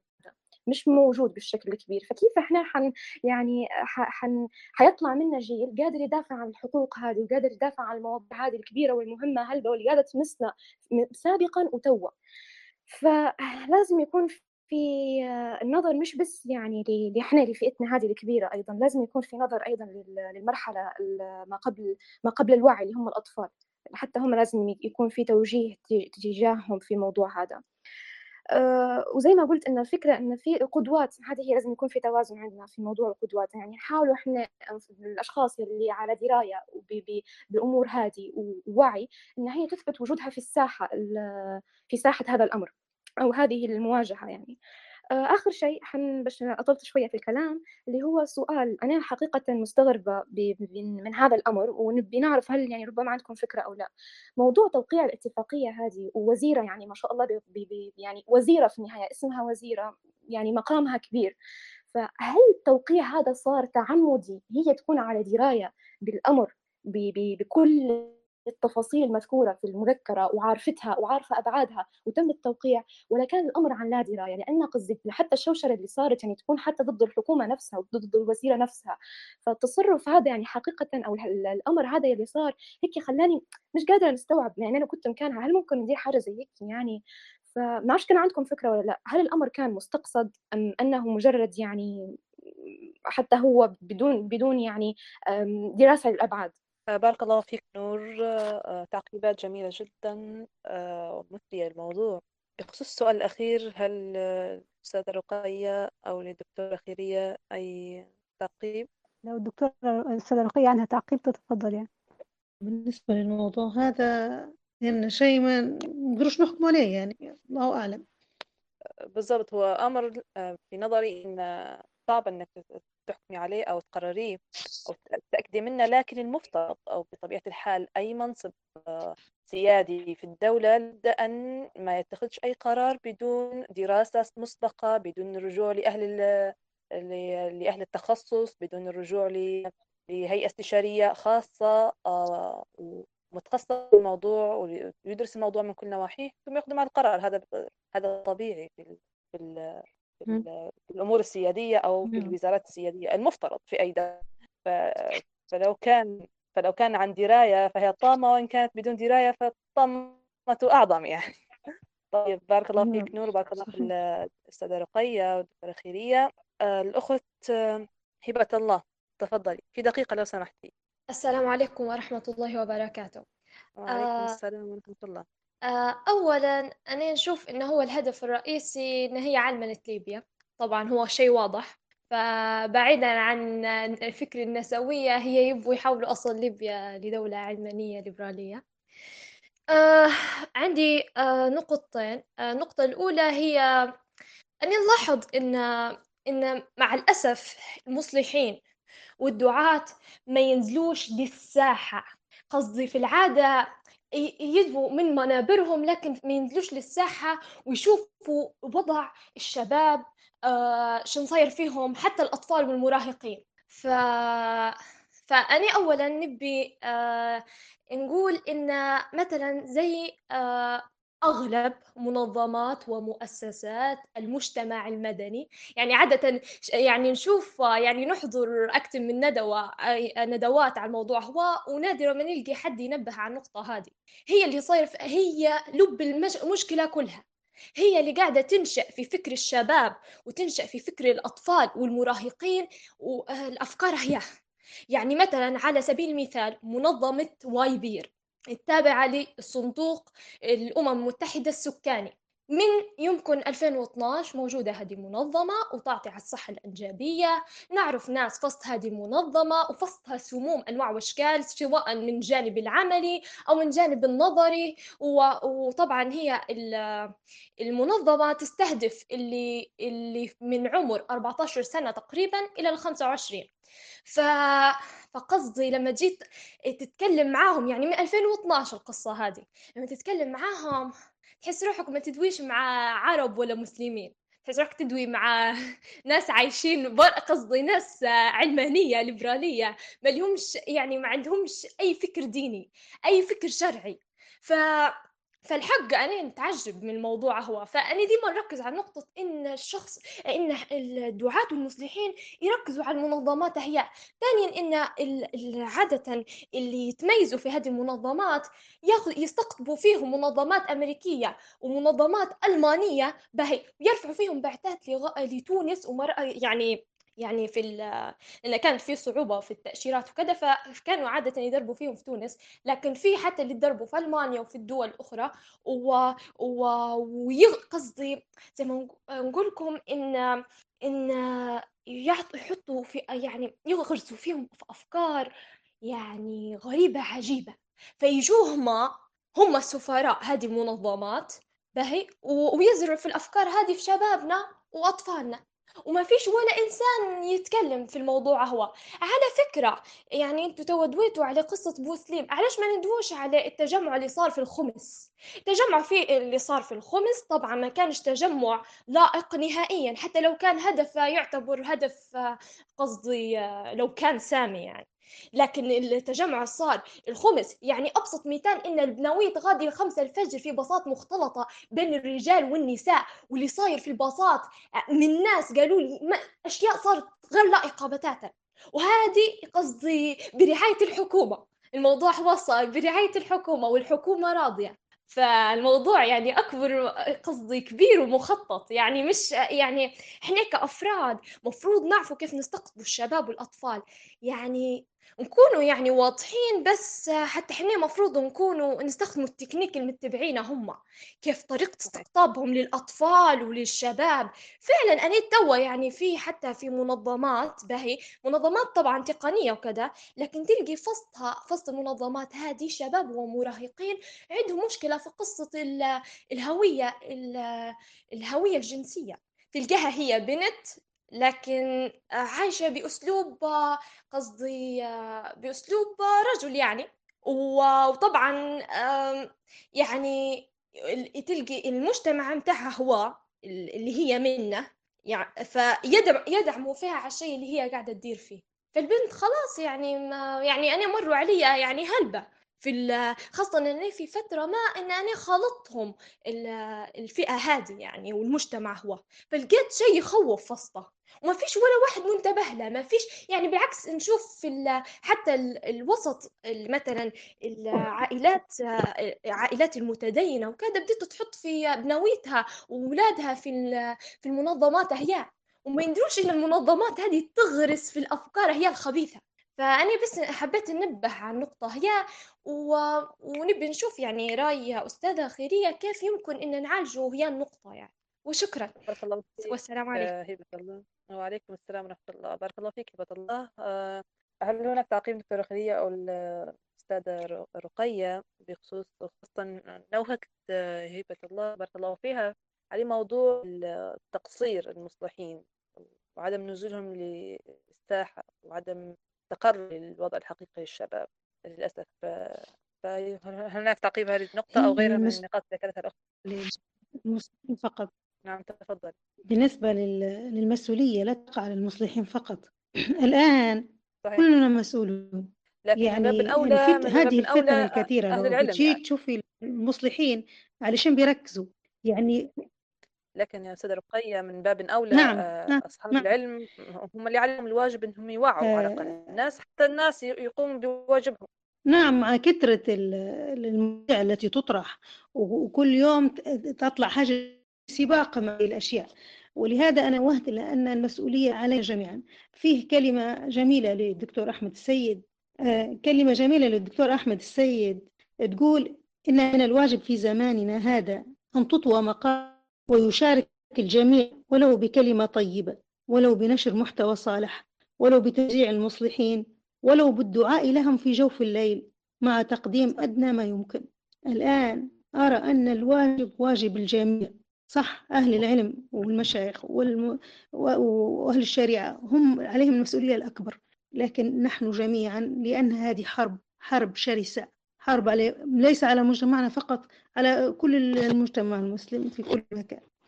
على الهوية الإسلامية بالذات. آه، طيب بارك الله فيك آه، سيدة رقية. هو فعلا ال- الأمانة أكبر على المصلحين ودعاء وضرورة نزولهم لواقع الشباب ضرورة احتكاكهم بالواقع وهذا اللي لاحظته فعلا أن فيه هناك قصور للأسف يعني في هذا الموضوع. ولاحظته شخصيا للأسف. القصور أيضا من عامة الناس إن إن هناك آه، آه، عدم لا لا مبالاة بالتعلم أصلا لا مبالاة بالبحث عن مصادر الوعي آه، الشخصي. فهذا فالقصور من كل الأطراف ولابد من تضافر كل الأطراف. تطرقت الأخت الله بخصوص منظمات المجتمع المدني واستقطابها أو استقطابهم للشباب. وتأثير المنظمات هذه على على فكر الشباب. وبإذن الله آه، أستاذ عبد الرحمن الخنجاري زي ما تفضل قال إنه حتكون في حلقة خاصة حول منظمات المجتمع المدني إن شاء الله. الأخت آه، الأخت حنان حويو. السلام عليكم ورحمة الله وبركاته. طبعا وعليكم آه، السلام. أشكر أختي رقية والدكتورة خيرية وأثني على ما على مجهودهم الطيب والمبارك وعلى مجهود هذه القناة. راهو أخطر شيء هو التطبيع مع المصطلحات المصطلحات الشغل عليها ليهم سنوات آه، يعني مناهضة العنف ضد المرأة يشتغل عليه له سنوات وتطلعي برا تلقي كل سنة في نهاية كل عام تقريبا في 25 نوفمبر يبدأ حملة 16 يوم متاع مناهضة العنف ضد المرأة. وهم في الأساس الشعار متاعهم مناهضة العنف ضد النوع الاجتماعي. الآن هذا أصبح الآن هذا العام الع- الشعار المعلن لعامة الناس. مناهضة العنف ضد النوع الاجتماعي. لكن من قبل موجودين في حتى في في الستاندات متاعهم اللي هم يلتقوا في الاجتماعات حتلقي في ستاند مكتوب مناهضة العنف ضد النوع الاجتماعي.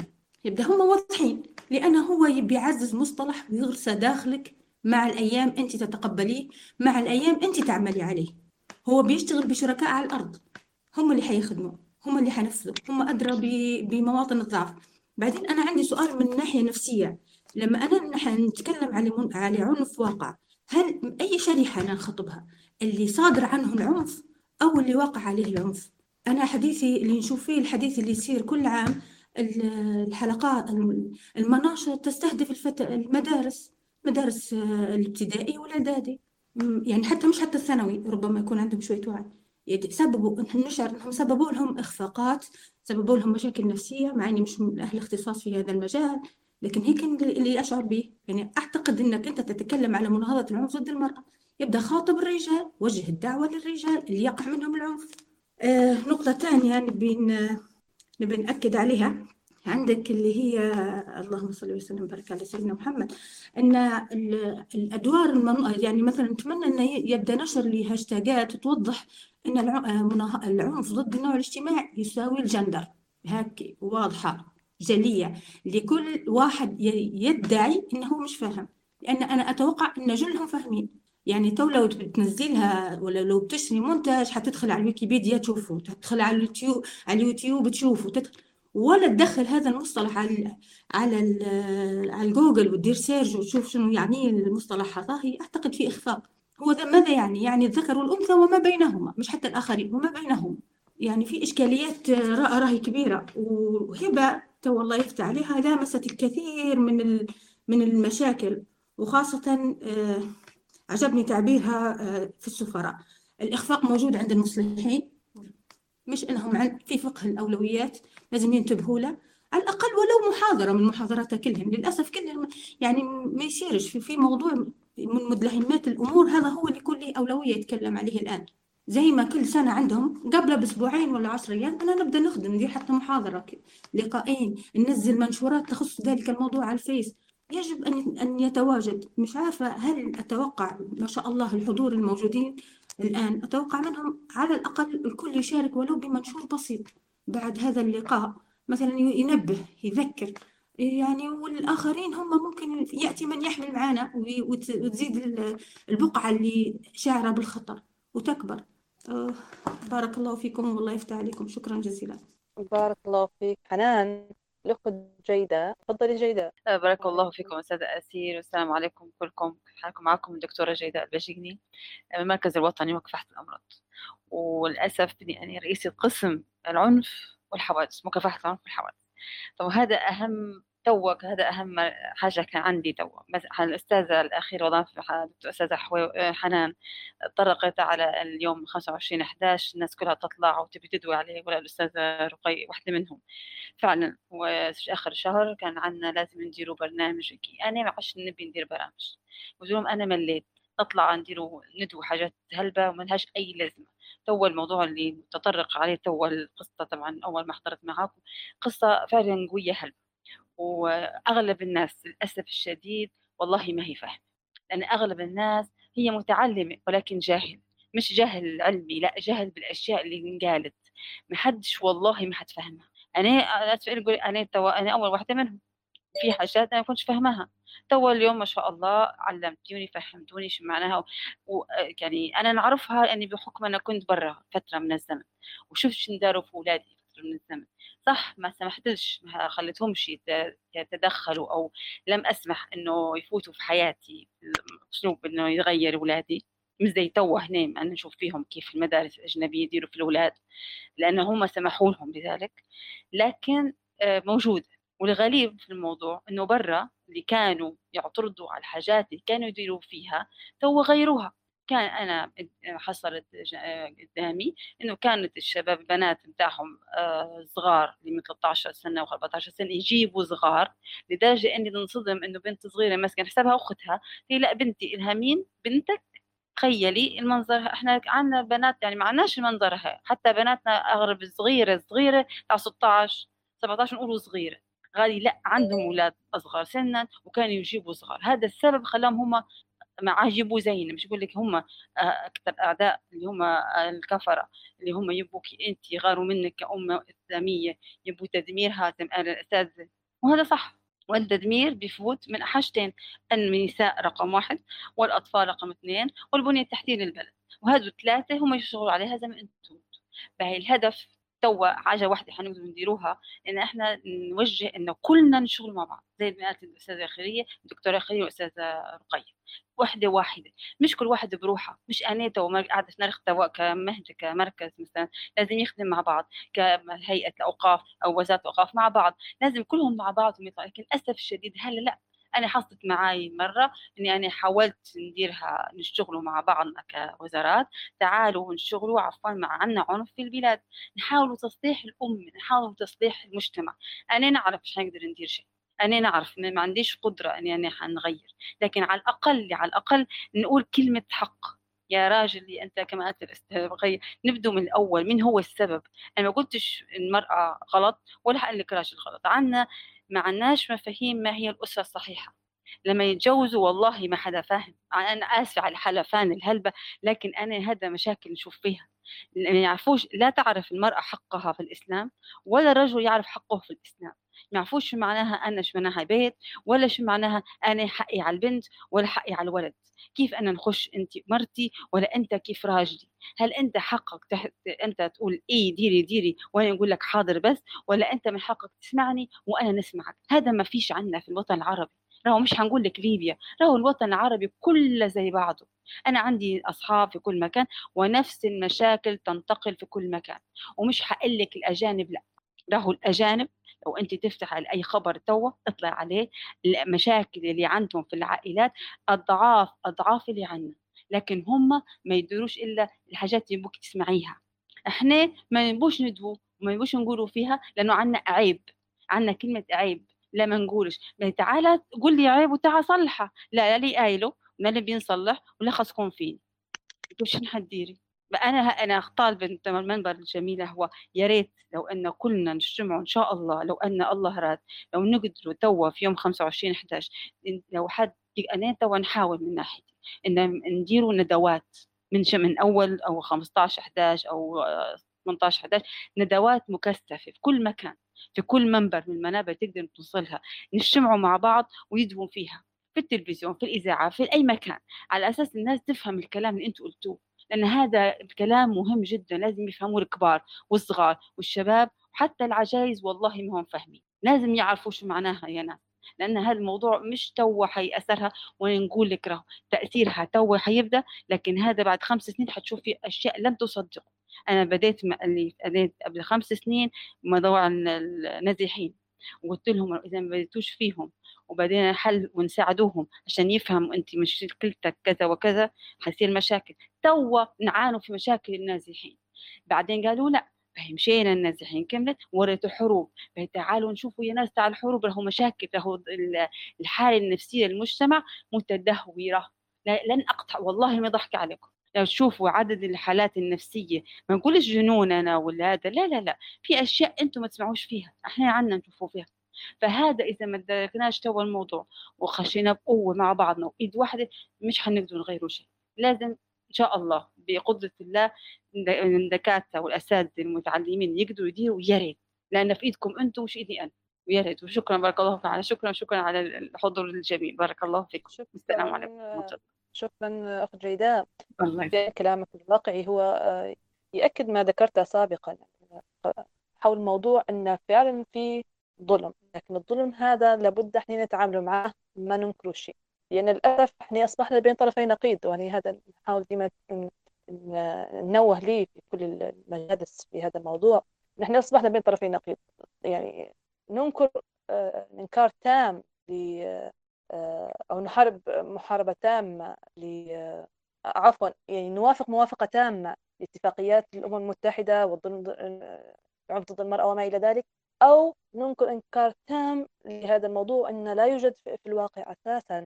آه، وأن إحنا عايشين في رفاهية والنساء في أمان وفي سعادة وفي وللأسف هذا طرفين نقيض باطل الاثنين.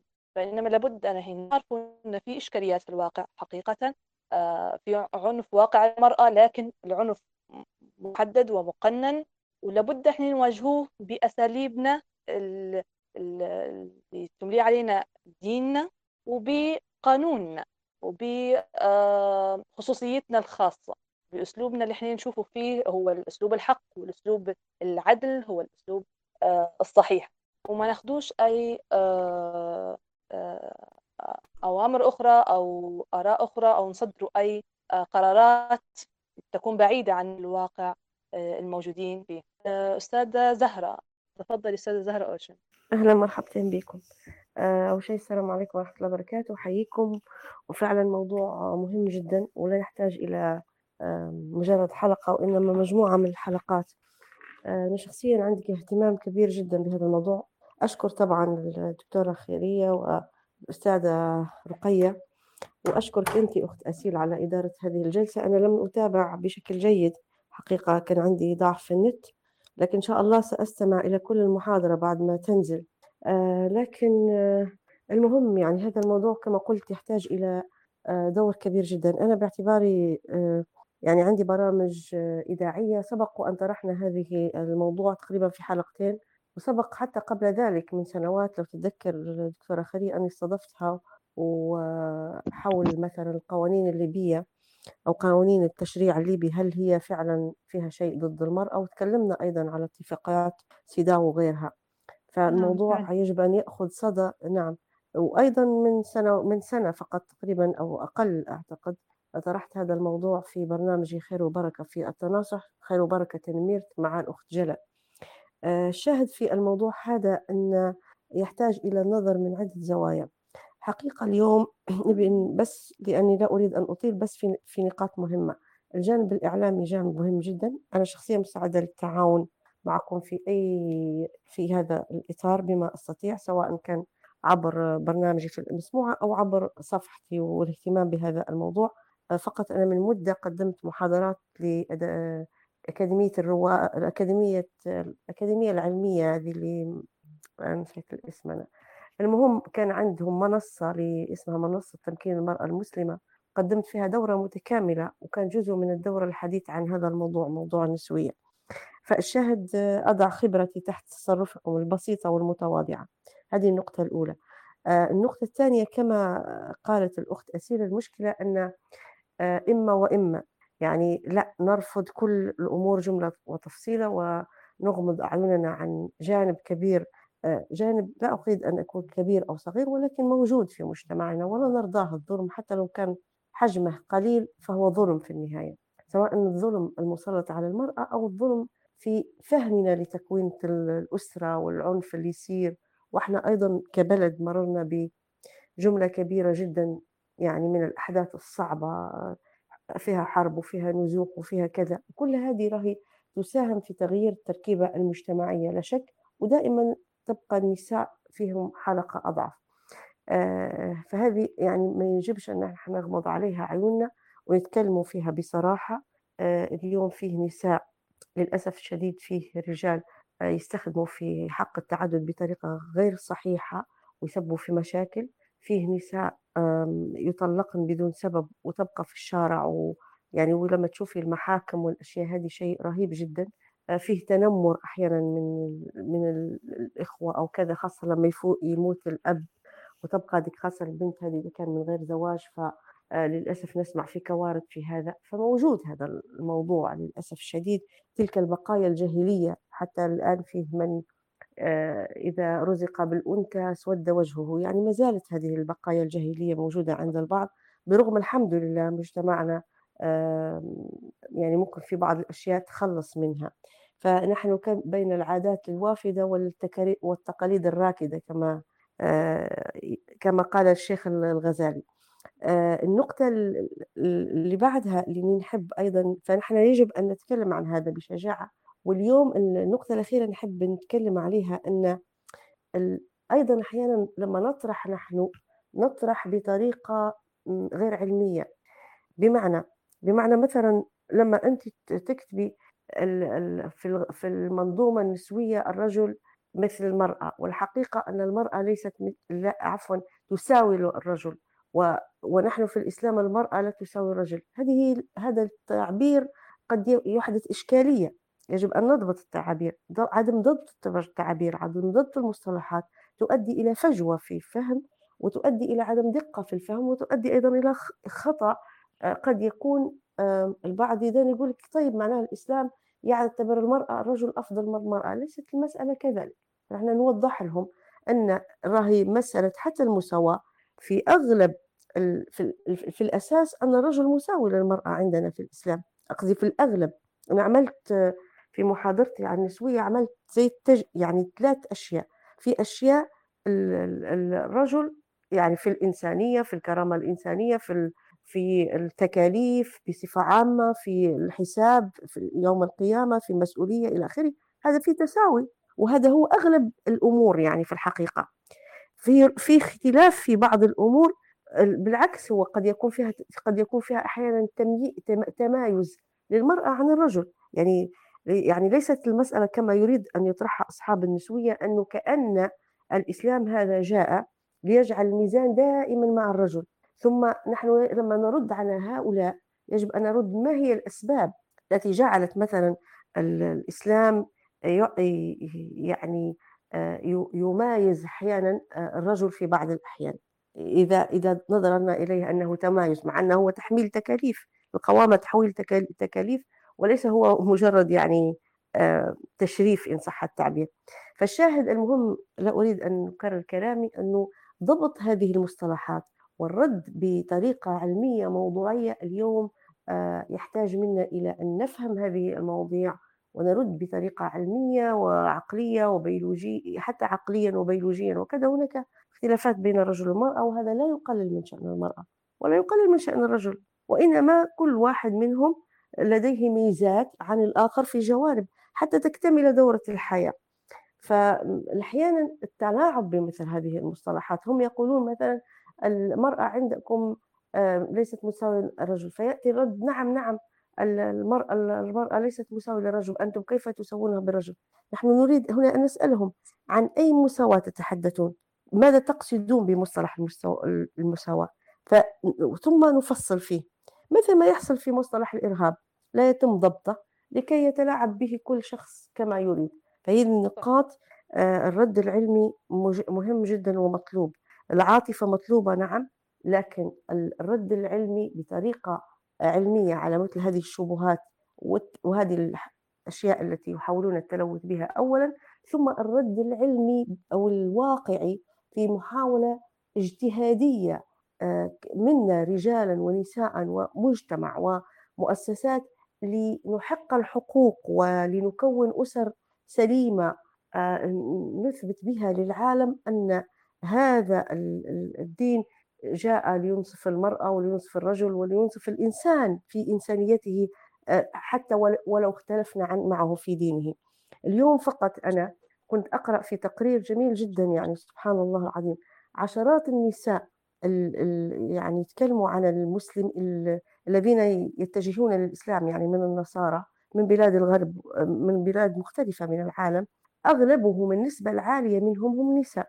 يعني حتى يدروا إحصائية بلد مثلا ممكن فيه ألف شخص يسلم أكثر من 60% منهم يسلمون نساء نساء من الغرب في ظروف الحرية والكل البروباغندا الإعلامية حول المرأة هم يجدن الراحة الحقيقية والحقوق الحقيقية في الإسلام.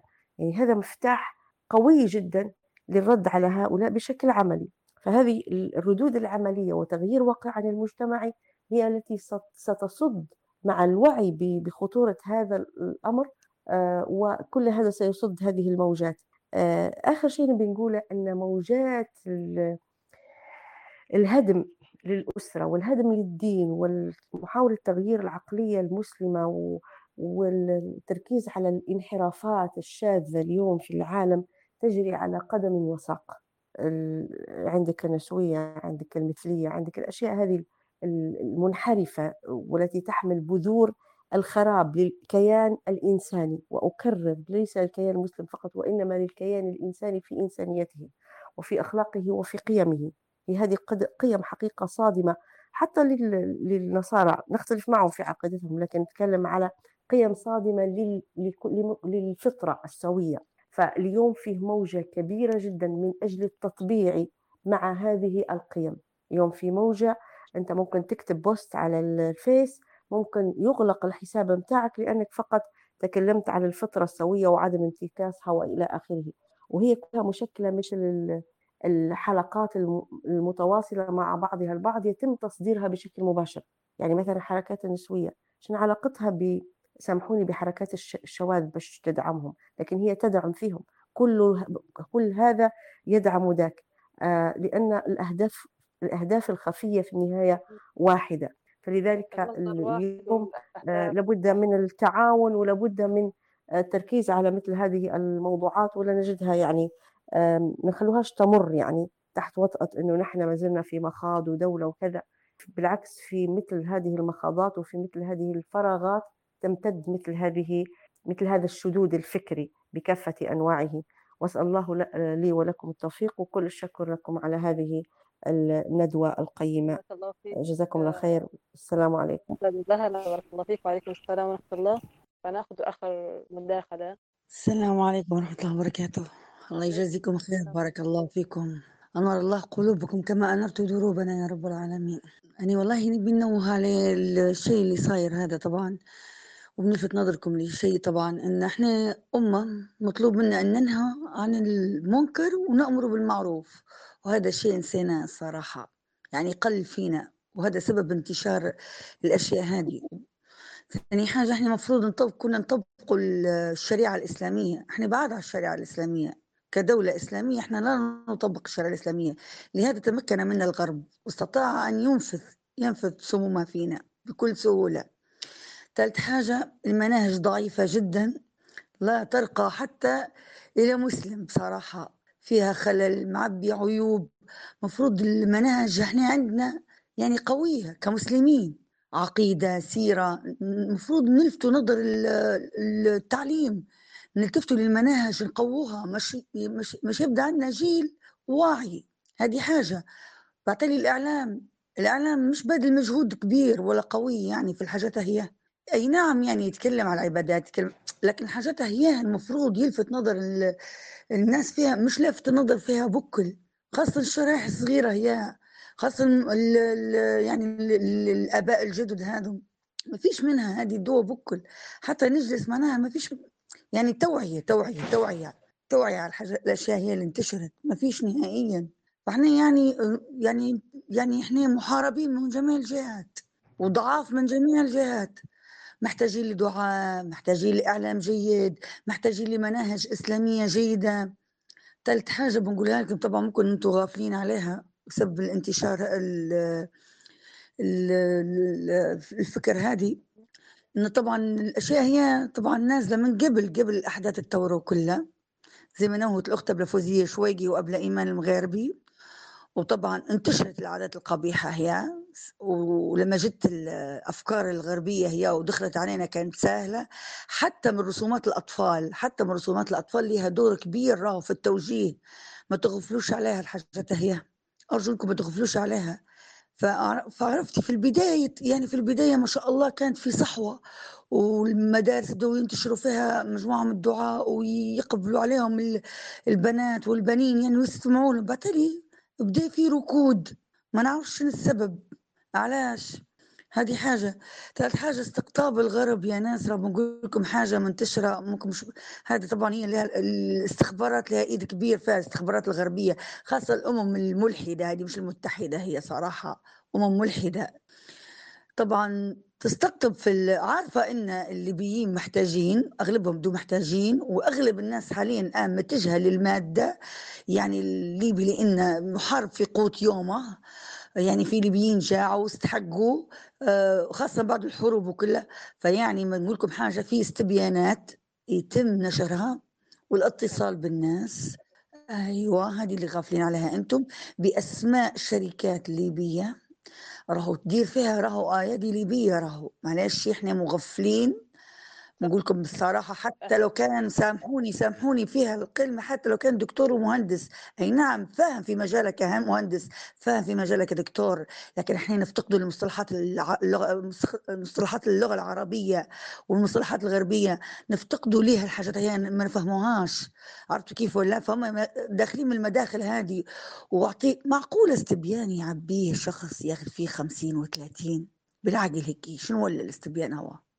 صحيح. شنو ولا إحنا آه، وين راقدين وين راقدين معقولة يدير ثلاثة أربعة خمسة اتصالات لدرجة إنه يعطيه كرت 20 20 جنيه يعبي في اليوم يكميه ممكن في نفس اليوم. باش يدير الاستبيان بتاعه لا الاستبيان هذا خاص بالمفوضية الانتخابات لا هذا خاص بالبنك الدولي لا. أنا نقول مرات لما نلقى أرقام موجودة في التلفزيون منين جابتها الأمم المتحدة؟ نقول أنت دريت الاستبيان المتحدة الأمم المتحدة. خير ما درتش ما دارتش علينا دورة. وراه هذه حاجة حطوها تحت المنظور. رانا غافلين. وبعتقد تبارك الرحمن ما شاء الله بذلت مجهود الأمم المتحدة نشرت لنا ناس من جميع الثقافات درست آه، في ال في الح في الأيامات الثورة. الناس اللي فرحانة وسعيدة إنها انتهت وتحررت. بالضبط في التوقيت هذا الناس سعيدة وغافلة فهي نشرت ما شاء الله البيادق متاعها وجمعت المعلومات وعرفت إحنا عاداتنا وتقاليدنا راي توغلت في النسيج الاجتماعي لينا واخترقاتها. في ناس كانت كانت متحجبة ونزلت الحجاب. في ناس كانت ملتزمة وبدت تتدرج وتنزل للوطاء في ناس فعلا صحيح. انقسمت حتى في الدين. طيب. كانوا ناس متقية يا ربي وتخاف الله. وفجأة بدأت تتحارب في ناس زيها زيها. هذا تقي وهذا كان تقي واليوم بده يحارب في اخوه وهذا يطلع في هذا اخوان وهذاك يطلع في هذا داعش. وهذاكم يعني بدينا قريب ثلاثة أربع شعب أكثر من شعب إحنا بدينا. وين عايشين؟ كنا كنا كنا ايد كنا ننافس يعني هذه راه للأسف مداخل نعم نعم. هذا للأسف بسبب ضعف الوعي عند الناس. جدا. ولأن طيبين وساذجين ونستقبلوا فيهم بكل رحابة صدر فتستغل النقطة هذه استغلال مش عادي. ولأن ناس فيسها في ناس آه، صدرها رحب وفيسها متطلع المعلومة طول كل شيء هذا هم عندهم متجمع ومت- ومتوثق وراهو شو بنقول لكم يعني استخبارات راهو إحنا إحنا عدونا منا فينا راهو إحنا عدونا منا فينا.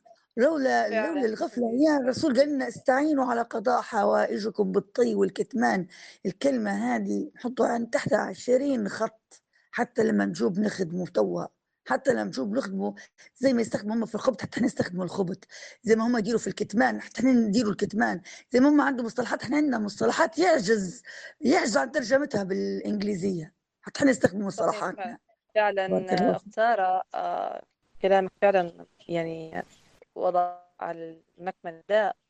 آه، قول الدكتورة خيرية أو الأستاذة رقية أي تعقيب على المداخلات السابقة في دقيقة دقيقة. تتفضل آه، أنا عندي تعقيبين بسرعة نحاول نختصرهم. آه، ما شاء الله على المداخلات كلها كانت يعني جوهرية ومهمة جدا. بس حبيت نأكد على موضوع أن ال- الأمم المتحدة الآن تعمل في مجتمعنا بأيادي ليبية يعني عن طريق منظمات المجتمع المدني اللي تستغلها عن طريق الإغراءات المادية وزي ما تكلموا ال- الأخوات يعني. وأن موضوع التوعية مهم ويأكد كلام أختنا جيدة اللي قالت إنها تشتغل في في مجال العنف ضد المرأة وما كانتش فاهمة المصطلحات. فإحنا يعني آه، نعتقد أن جانب كبير من الناس اللي يتعاملوا في هذا المجال يتعاملوا على المتحدة هم فاهمين المصطلحات. فإحنا يعني ما, نيأسوش من أن التوعية ممكن تجيب نتائج يعني آه، جيدة في هذا المجال. وينبغي في التوعية إلا أن ما نكونش عند ردود الأفعال لما تصدر اتفاقية أو كذا آه، يجي المجتمع وتطلع جمعيات ونشاطات وندوات أول ما تخف شوية خلاص ينتهي كل شيء وبالمقابل الطرف الآخر الأمم المتحدة ومؤسساتها تعمل بشكل متدرج وبشكل يعني دائم وبسياسة النفس الطويل. آه، وهنا دور ال- الإعلام مهم جدا دور المشايخ وهذا ما يمنعش أن الأفراد كل واحد فينا عنده دور أن على الأقل يوعي دائرته المقربة منه. آه، في نقطة ثانية اللي هي نعم آه، في نقطة أن قد يثور السؤال يعني عند البعض لماذا الأمم المتحدة تفعل كل هذا؟ يعني ما مصلحتها؟ طبعا باختصار يعني رغم أن الموضوع طويل لكن ال- الأمم المتحدة اللي هي لجنة المرأة اللي تصدر كل الاتفاقيات هذه المتعلقة بالمرأة هي أصلا الآن يس- يسيطروا عليها النسويات المتطرفات اللي هم يعني هي نسوية أنواع المتطرفات هذا يقولوا المرأة يعني رأيهم أن المرأة آه، مضطهدة ومظلومة وكذا وأن عدوها هو الرجل. ولن لن تأخذ المرأة حقوقها إلا لو أقامت عالم خالي من الرجال. وهم يحاربوا في الزواج آه، يعني يحاربوا في كل المفاهيم الطبيعية اللي هي تتعلق بالأسرة. فلهذا تطلع هذه الاتفاقيات الغريبة العجيبة المصطلحات اللي يعني الإنسان يستغرب فيها ليش تطلع؟ إن هم هدفهم أن يقضوا على الأسرة يعتبروا يعني ال- الأسرة هي الأمومة والزواج استعباد للمرأة. بالتالي يبقوا أسرة مجتمع ما فيش أسرة. هذا يعني يشجعوا في الشذوذ وكذا. طيب ليش الدول تنساق وراءهم؟ الدول طبعا ال- الدول الغربية هي مجتمعاتها طبعا منهارة من ناحية من الناحية الاجتماعية.